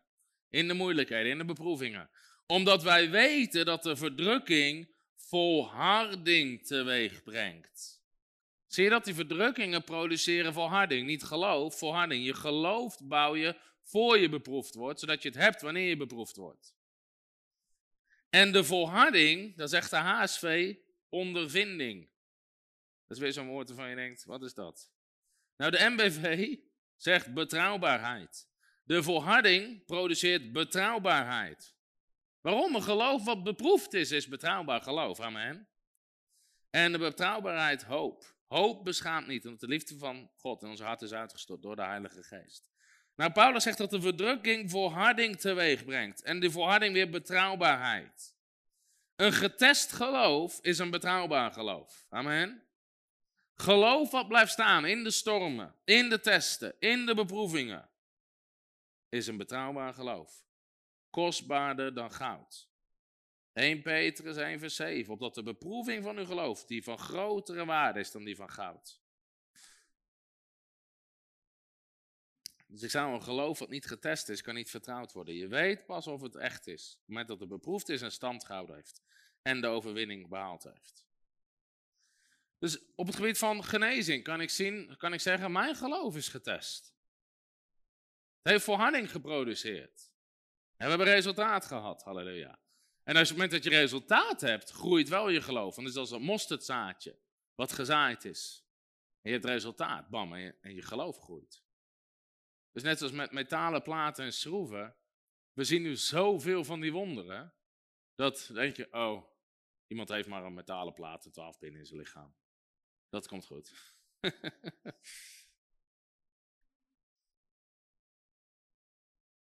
Dus het is niet zo dat geloof groeit door beproevingen. Nee, als, je als de overwinning behaald is, groeit je geloof. Beproevingen beproeven slechts het geloof wat ontstaan is uit het woord van God.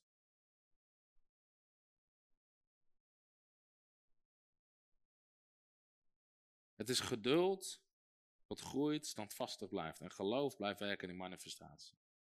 Dus net zoals bij Petrus. Zijn geloof kwam toen hij Jezus hoorde zeggen kom. En zijn geloof werd beproefd toen hij op het water wandelde. Dus die beproeving zelf zorgt niet voor geloof. Dat is juist de tijd om geloof te hebben. Amen.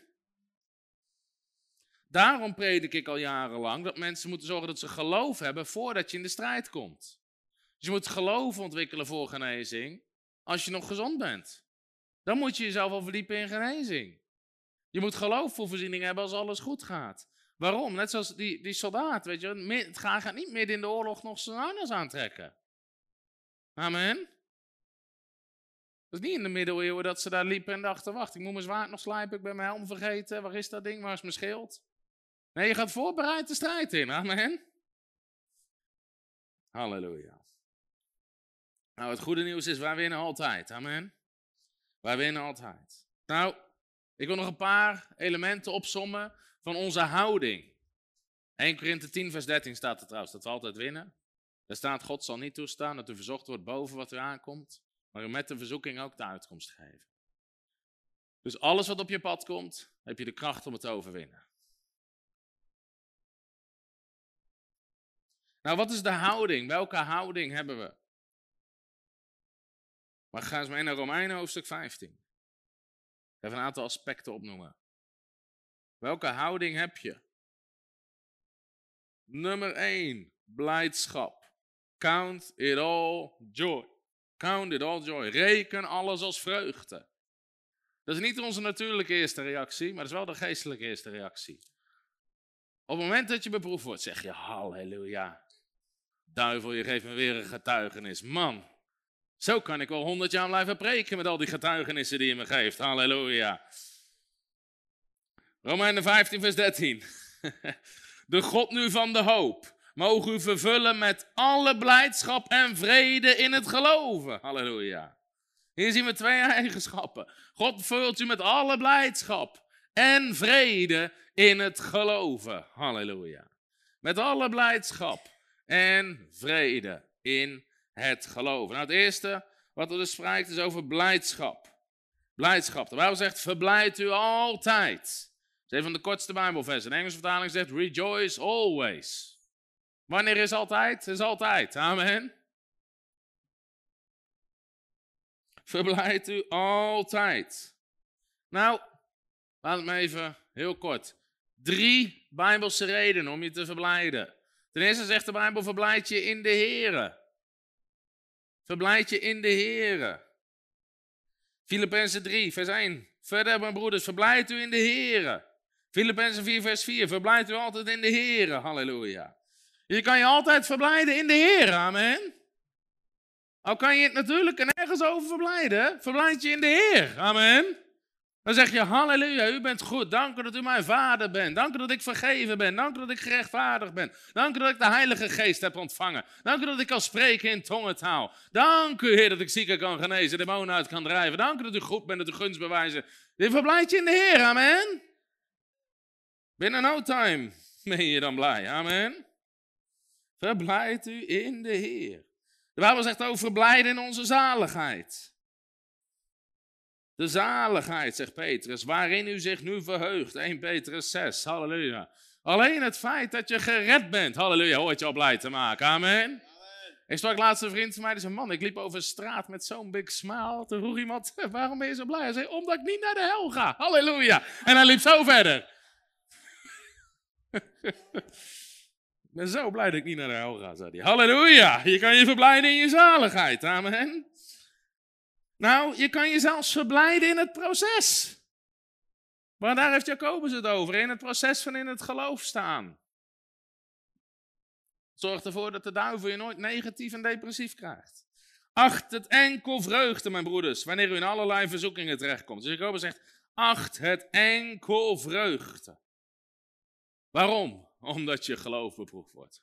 Omdat je groeit in volharding. Amen. Dus dat is iets wat je gewoon bewust moet doen. Dat is een keuze die je moet maken. Dat is geen gevoel, dat is een keuze. Amen. Om je te verheugen. Om je te verblijden. Dat is Jacobus 1 vers 2. Acht het enkel vreugde. Wanneer in allerlei verzoekingen terechtkomt. Waarom? Het geeft je geloof wat kostbaarder is dan goud.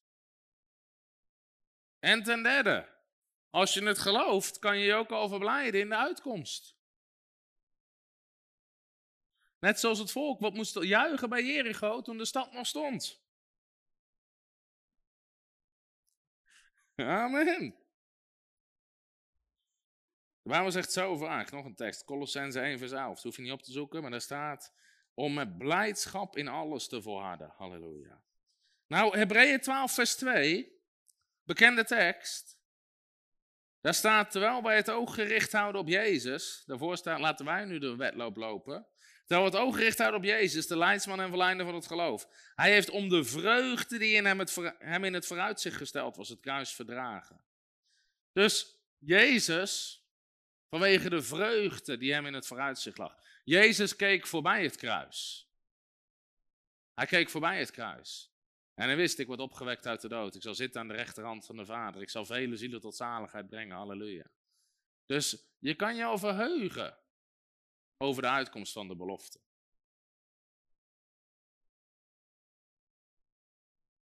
Psalm 2, vers 4 zegt, God zit op zijn troon en hij lacht. Waarom lacht hij? Hij lacht zijn vijand uit. Alleen daar kan je ook keihard om lachen. Dus ik duivel, je geeft me weer een getuigenis. Halleluja. Een andere eigenschap is vrede. We hebben net gelezen, de God van hoop mogen u vullen met alle blijdschap en vrede in het geloven. We zeggen, laat de vrede van God heersen in uw harten. Romeinen 8 vers 6 zegt, het denken van het vlees is de dood, maar het denken van de geest is leven en vrede. De geest is nooit in paniek. Amen. Het is nooit zo dat je intuned in de hemel dat je hoort, eh, eh, eh, eh, code rood, code rood, alle engelen naar de troonzaal, code rood, code rood. Er is altijd vrede. Amen. Er is altijd vrede. Dus de Bijbel zegt, laat de vrede van Christus. Het is een keuze om te wandelen in vrede. Vrede is een vrucht van de geest. Je ziel kan paniek. Kan in paniek raken, maar je geest niet. Je geest, en boos worden, dat kan je ziel ook. Maar je geest, je geest is gewoon vrede, amen. Dus je moet leren leven vanuit je, vanuit je geest. Soms kom je ergens en mensen helemaal in paniek. En dan wandel je gewoon in hemelse vrede, amen. Ik moest ooit in een gemeente spreken, we hadden zo'n uitgenodigd voor een genezingsdienst. En ik had helemaal niet gekeken waar ik heen moest. er was een traditionele kerk, een. Ik had mij trouwens voor genezingsdienst.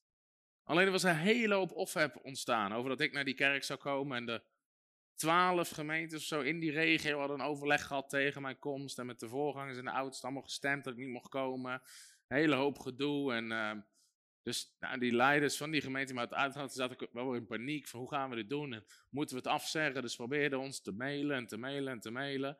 Alleen toevallig die week was ons team van kantoor was vanaf donderdag al vrij. En vrijdag was er niemand en zaterdag had niemand op de mail gekeken. Dus ik wist van niks. Dus Pas toen we in de auto zaten, eh, volgens mij was Arjan mee. Ik zeg, hé, hey, we moeten naar een traditionele kerk. Dat is leuk, ik had geen idee. Ik zag op het fotootje. Dus ik kom eraan en zijn hele team stond me op te wachten. Ja, we willen het afzeggen, maar je bent er nu toch. Dus we hebben het niet afgezegd. Zeg, ja, we zijn er nu toch. Laten we er nu maar een goede dienst van maken. Amen. Halleluja. We predikten het woord van God en God bevestigt met wonderen en tekenen. Halleluja. En mensen werden genezen. Maar ik had perfecte vrede, halleluja. Sterker nog, ik wist, God gaat hier wat extra wonderen doen. Gewoon om een paar religieuze mensen zich te laten irriteren. Dat is bijbels. Dat is bijbels. In het Oude Testament staat een verhaal dat een volk viel Israël aan en ze verloren. En zeiden ze, ja, dat komt omdat het een berggod is. En toen zei God, weet je wat, we doen het nog een keer in een dal, geven ze nog een extra schop. Zoek zelf maar op, staat in je Bijbel. Dankbaarheid is ook een houding. Dankbaarheid. Dankbaarheid. En dat is de laatste die ik met je wil delen. Dankbaarheid, terwijl je aan het volharden bent. Halleluja. Dankbaarheid. Dankbaarheid. Halleluja. Nou, de Bijbel zegt, dank God in alles. Andere zegt, dank God voor alles. Want dit is de wil van God in Christus Jezus voor u. Nou, dankbaarheid, danken. Ook dank is een uiting van geloof. Ik ben opgegroeid in een heel lief gezin met hele lieve ouders. En ik wist, als mijn ouders iets zeggen, doen ze het. Komen ze het na. Dus volgens mij, toen wij twaalf waren, toen mochten we iets van een mobiele telefoon of zo. En er was nog zo'n ding waar je niks op kon. Behalve je ringtoon afspelen qua muziek. Dan had je nog geen YouTube en zo. Dan kon je gewoon naar piep, piep, piep, piep luisteren. En dan was zo hip. Dus vlak voordat ik 12 jaar werd, toen zeiden ze: Tom, over een paar weken word je 12. Dus misschien moet je. Wil je een telefoon geven? Dus ga, ga een uitzoeken. Dit is het budget. Nou, wat zeg je dan? Dankjewel, dankjewel. Waarom? Ik wist dat ze het zeggen. Gaan ze het doen? Wist ik gewoon bij mijn natuurlijke ouders. Dus ik dankte ze al voordat er iets te zien was. Nou, als je dat kan, en niet iedereen kon dat met zijn natuurlijke ouders misschien, maar ze, dat is wel een mooi voorbeeld. Hoeveel te meer kan je het bij God? Amen. Je kan God al danken. Je kan God al danken. Waarom zegt namelijk dat je het gelooft, dat je het ontvangen hebt. Amen. Nou, als je gelooft dat je het ontvangen hebt, begin God ervoor te danken. Amen. Begin God ervoor te danken. Danken helpt je om te ontvangen. Bij de eerste, bij de geboorte van Matthew, hadden we een hele lieve kraamzuster. Die was zelf ook christen. En een schat van een vrouw. Ze deed veel meer dan nodig was. Ik kwam erachter dat ik sprak in allerlei kerken. Dus ze ging allemaal over hem. Dan ging ze strijken. Ze ging allemaal dingen doen die ze helemaal niet hoefde te doen. En dus Femke en ik dachten, hoe kunnen we er bedanken? En ze had in die week iets gezegd over een opleiding die ze wilde doen voor kinderen of baby's. En alleen de werk vergoedde het niet. Dus ze had het daarover gehad. En toen zei de ik, nou weet je wat, we geven het geld voor de opleiding aan Dus ik had geld gepind, uitgezocht wat die opleiding kostte, het geld in een envelop gestopt. Toen ze wegging, mij met een bosje bloemen of wat noten. Zegt, hey, bedankt voor je hulp deze week. En ondanks dat iemand zijn werk is, gewoon bedanken, zegenen. En ik zei, hier heb ik nog een cadeautje voor je. Dus ja, ik hoop dat het niet te gek is. Zei, nou, dit is geld voor je opleiding. Nee, Nee, dat kan ik niet aannemen. Dat kan ik niet. Ik zei, kan je wel aannemen? Strek je hand uit. Je? Nee, zegt ze, dat is veel te gek.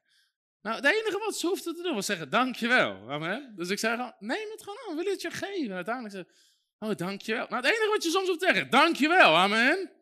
Gewoon begin te danken. Dank is ontvangen. Halleluja.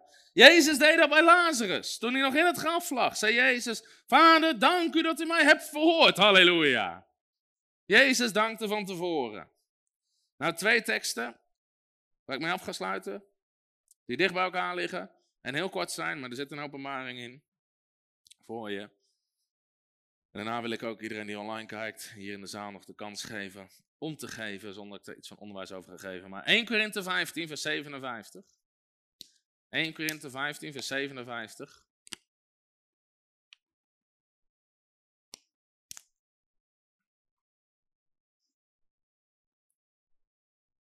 Hier zie je de relatie tussen danken en de overwinning.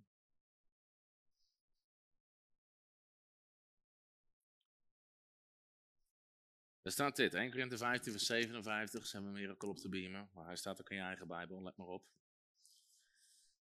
Maar God zij dank, die ons de overwinning geeft door onze Heere Jezus Christus.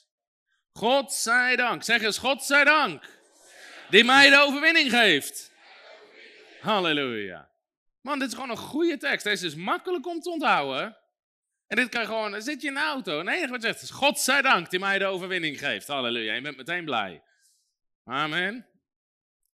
God zij dank die ons de overwinning geeft. Nou zie je de relatie tussen dankbaarheid en de overwinning. Hij zegt niet, ik dank God omdat hij me de overwinning heeft gegeven, maar omdat hij de overwinning geeft. Hij dankte van tevoren. 2 Korinthe 2 vers 14, dat is denk ik twee bladzijden verder. 2 Korinthe 2 vers 14, daar zegt Paulus dit. En daar gaan we mee afsluiten.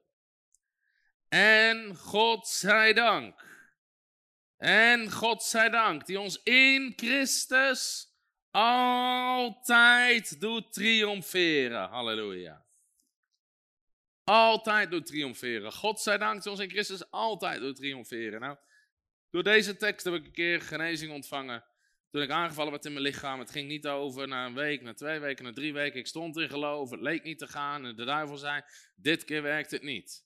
Dit keer genees je niet. Dit keer blijf je ziek. En toen hoorde ik een prediker prediken over deze tekst. God zij dank, die ons altijd de overwinning geeft. Altijd. Nog even kreeg ik een rema-woord, een openbaring over dat stuk altijd. En ik begon gewoon te danken. Ik zei, halleluja, altijd, altijd, altijd. Ik had in één keer een openbaring. Het werkt altijd, dus ook deze keer. En met dat ik die openbaring pakte, Boom, genas ik totaal. Van het een op het andere moment. Gewoon als een vingerknip. Alle pijn, alle ziekte weg. God zij dank, die ons altijd de overwinning geeft. Amen. Dus wanneer we aan het volharden zijn in geloof. Je geloof wordt beproefd. Het geloof wat eruit komt is kostbaarder dan goud. Het zal altijd zichtbaar worden als we geloof plus geduld of plus volharding hebben. Amen. En terwijl je in geloof staat, je wandelt in blijdschap, je wandelt in vrede en je wandelt in dankbaarheid. Amen. Hebben we iets geleerd over geloof en volharding? Geloof en beproeving. Amen. Halleluja. Ik wil nog de kans geven om te geven aan de bediening als je dat wil. Als je de machtigingskaart nodig hebt. Liggen misschien onder je stoel of hou je hand even in de lucht. Hou je hand even in de lucht. Je kan ook geven via de beamer. Denk ik dat het zo aankomt. Ook de mensen die thuis kijken. Het feit dat je thuis zit betekent niet dat je niet kan geven. Als je wil zaaien in de bediening, ga naar frontrunnersministries.nl, klik op geven. Als je nog geen partner bent, wil ik trouwens van harte uit om partner te worden, waardoor je gewoon maandelijks meebouwt.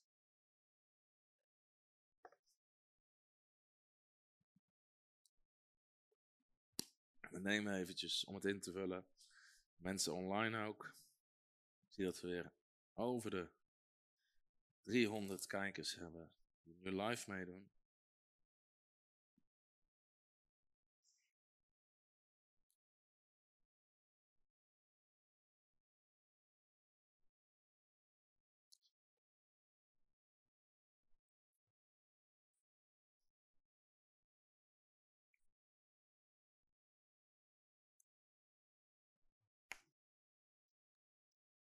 Ook iedereen bedankt voor het online kijken. Volgende week zijn we er weer met de Faith School. Volgens mij is er nog twee keer voor de vakantie. Gaan we daarna door? Wat mij betreft wel. Halleluja. En misschien mensen die online kijken. Er is nog wel plek in de zaal. Sommige mensen hebben niet volhard in hun deelname. Steenachtige grond. Dus we hebben nog plek. We, gaan, we, we communiceren wel eventjes over. Uh, voordat ik weer iets roep en mijn team zegt: Heb je nou weer geroepen? We hadden ooit in dat boekje De kracht van de waterdoop. Die moeten we trouwens ook herdrukken. En we hebben dit jaar letterlijk echt al honderden mensen gedoopt. Maar op een toen ik dat boekje schreef. Toen dacht ik: Misschien zijn er mensen die het boekje lezen. Ze zitten niet in een gemeente. Ze kennen ook geen andere christenen. Ze hadden in het boekje gezet. Als je geen kerk hebt en je kent niemand om je te dopen, mail ons, dopen wij je. Alleen ik was vergeten om dat te zeggen tegen het team. Dus op een gegeven moment zei mijn office manager tijdens een vergadering. Ik snap er niks van, joh. Allemaal mensen mailen of, of we ze willen dopen. Dat doen we toch helemaal niet. En ik zei, ik zei nou. In een boekje heb ik iets gezegd over, uh, over dopen. Maar goed. Halleluja. Het is belangrijk dat mensen gedoopt worden. Dus nu hebben we gewoon bijbelschoolstudenten of mensen van ons ministerie die in de buurt wonen. En die dopen ze zodra mensen mailen. Ik moet altijd opletten wat ik zeg, want voor je het weet heb ik weer iets beloofd. En dan weet de rest van niks. ik ken nog iemand die dat... Uh, nog één grappig verhaaltje terwijl mensen aan het invullen zijn. Ik had een dag bij het Herman Boon afgesproken. En uh, we zouden daar even gaan kijken voor, de, voor hun bijbelschool, omdat we ook een voltijdschool op gaan richten. En Herman Boon is nog chaotischer dan ik. dus we zouden langskomen een team van vier mensen, gewoon te vragen wat ze geleerd hebben, hoe ze dingen zouden doen, dat soort dingen. Dus een teamgenoten, die wisten van niks. Dus die vertelde dat s'morgens bij het gebed stond Herman daar, ze open altijd de dag. Ja, vader, dank u wel dat Tommy vandaag komt met heel zijn team om van ons te leren. heel het team. Wie komt vandaag en wat komen ze doen? dus, die, dus die hoorden het een kwartier voordat we aankwamen. Oké, als je het hebt ingevuld mag je gaan staan. Ik kan het naar voren brengen, ook zo meteen als we afgesloten hebben. Ook iedereen die online kijkt. Halleluja. Dank u, Vader, voor vanavond. Heer, hoe uw woord ons iedere keer voedt, hoe uw woord ons iedere keer opbouwt, Heer. We willen geen steenachtige grond zijn, we willen mensen zijn die volharden. Heer, die volharden, waardoor ons geloof altijd resultaat heeft, Heer. En ik bid voor iedereen, Heer, dat we geloof zullen ontwikkelen, wat kostbaarder is, kostbaarder is dan zuiver goud, omdat het beproefd is. Heer, ik wil hetzelfde bidden als u bad voor Petrus. Heer, dat wanneer de Satan ons probeert te siften als tarwe, dat ons geloof niet ophoudt. Maar dat we eruit zullen komen, de krachtige getuigenis, in de naam van de Heer Jezus Christus. Amen en amen. Halleluja. God zegen en tot volgende week. Hallo, Tom de Wol hier en bedankt dat je weer geluisterd hebt naar onze podcast. Ik bid dat het je geloof gebouwd heeft en je bemoedigd bent. Als je niet alleen een luisteraar van onze boodschap wil zijn, maar ook een verspreider daarvan, wil ik je uitnodigen om partner te worden van Frontrunners. Door jouw maandelijkse donatie help je ons om dit evangelie van Jezus Christus en het woord van God over heel de aarde te brengen. Om partner te worden, ga naar www.frontrunnersministries.nl slash partners en word partner. Hartelijk bedankt en tot snel. Heb je ook zo genoten van deze inspirerende boodschap van Tom de Wal? Abonneer je dan op deze podcast. Volg ons op Facebook en op Instagram en kijk op onze website frontrunnersministries.nl.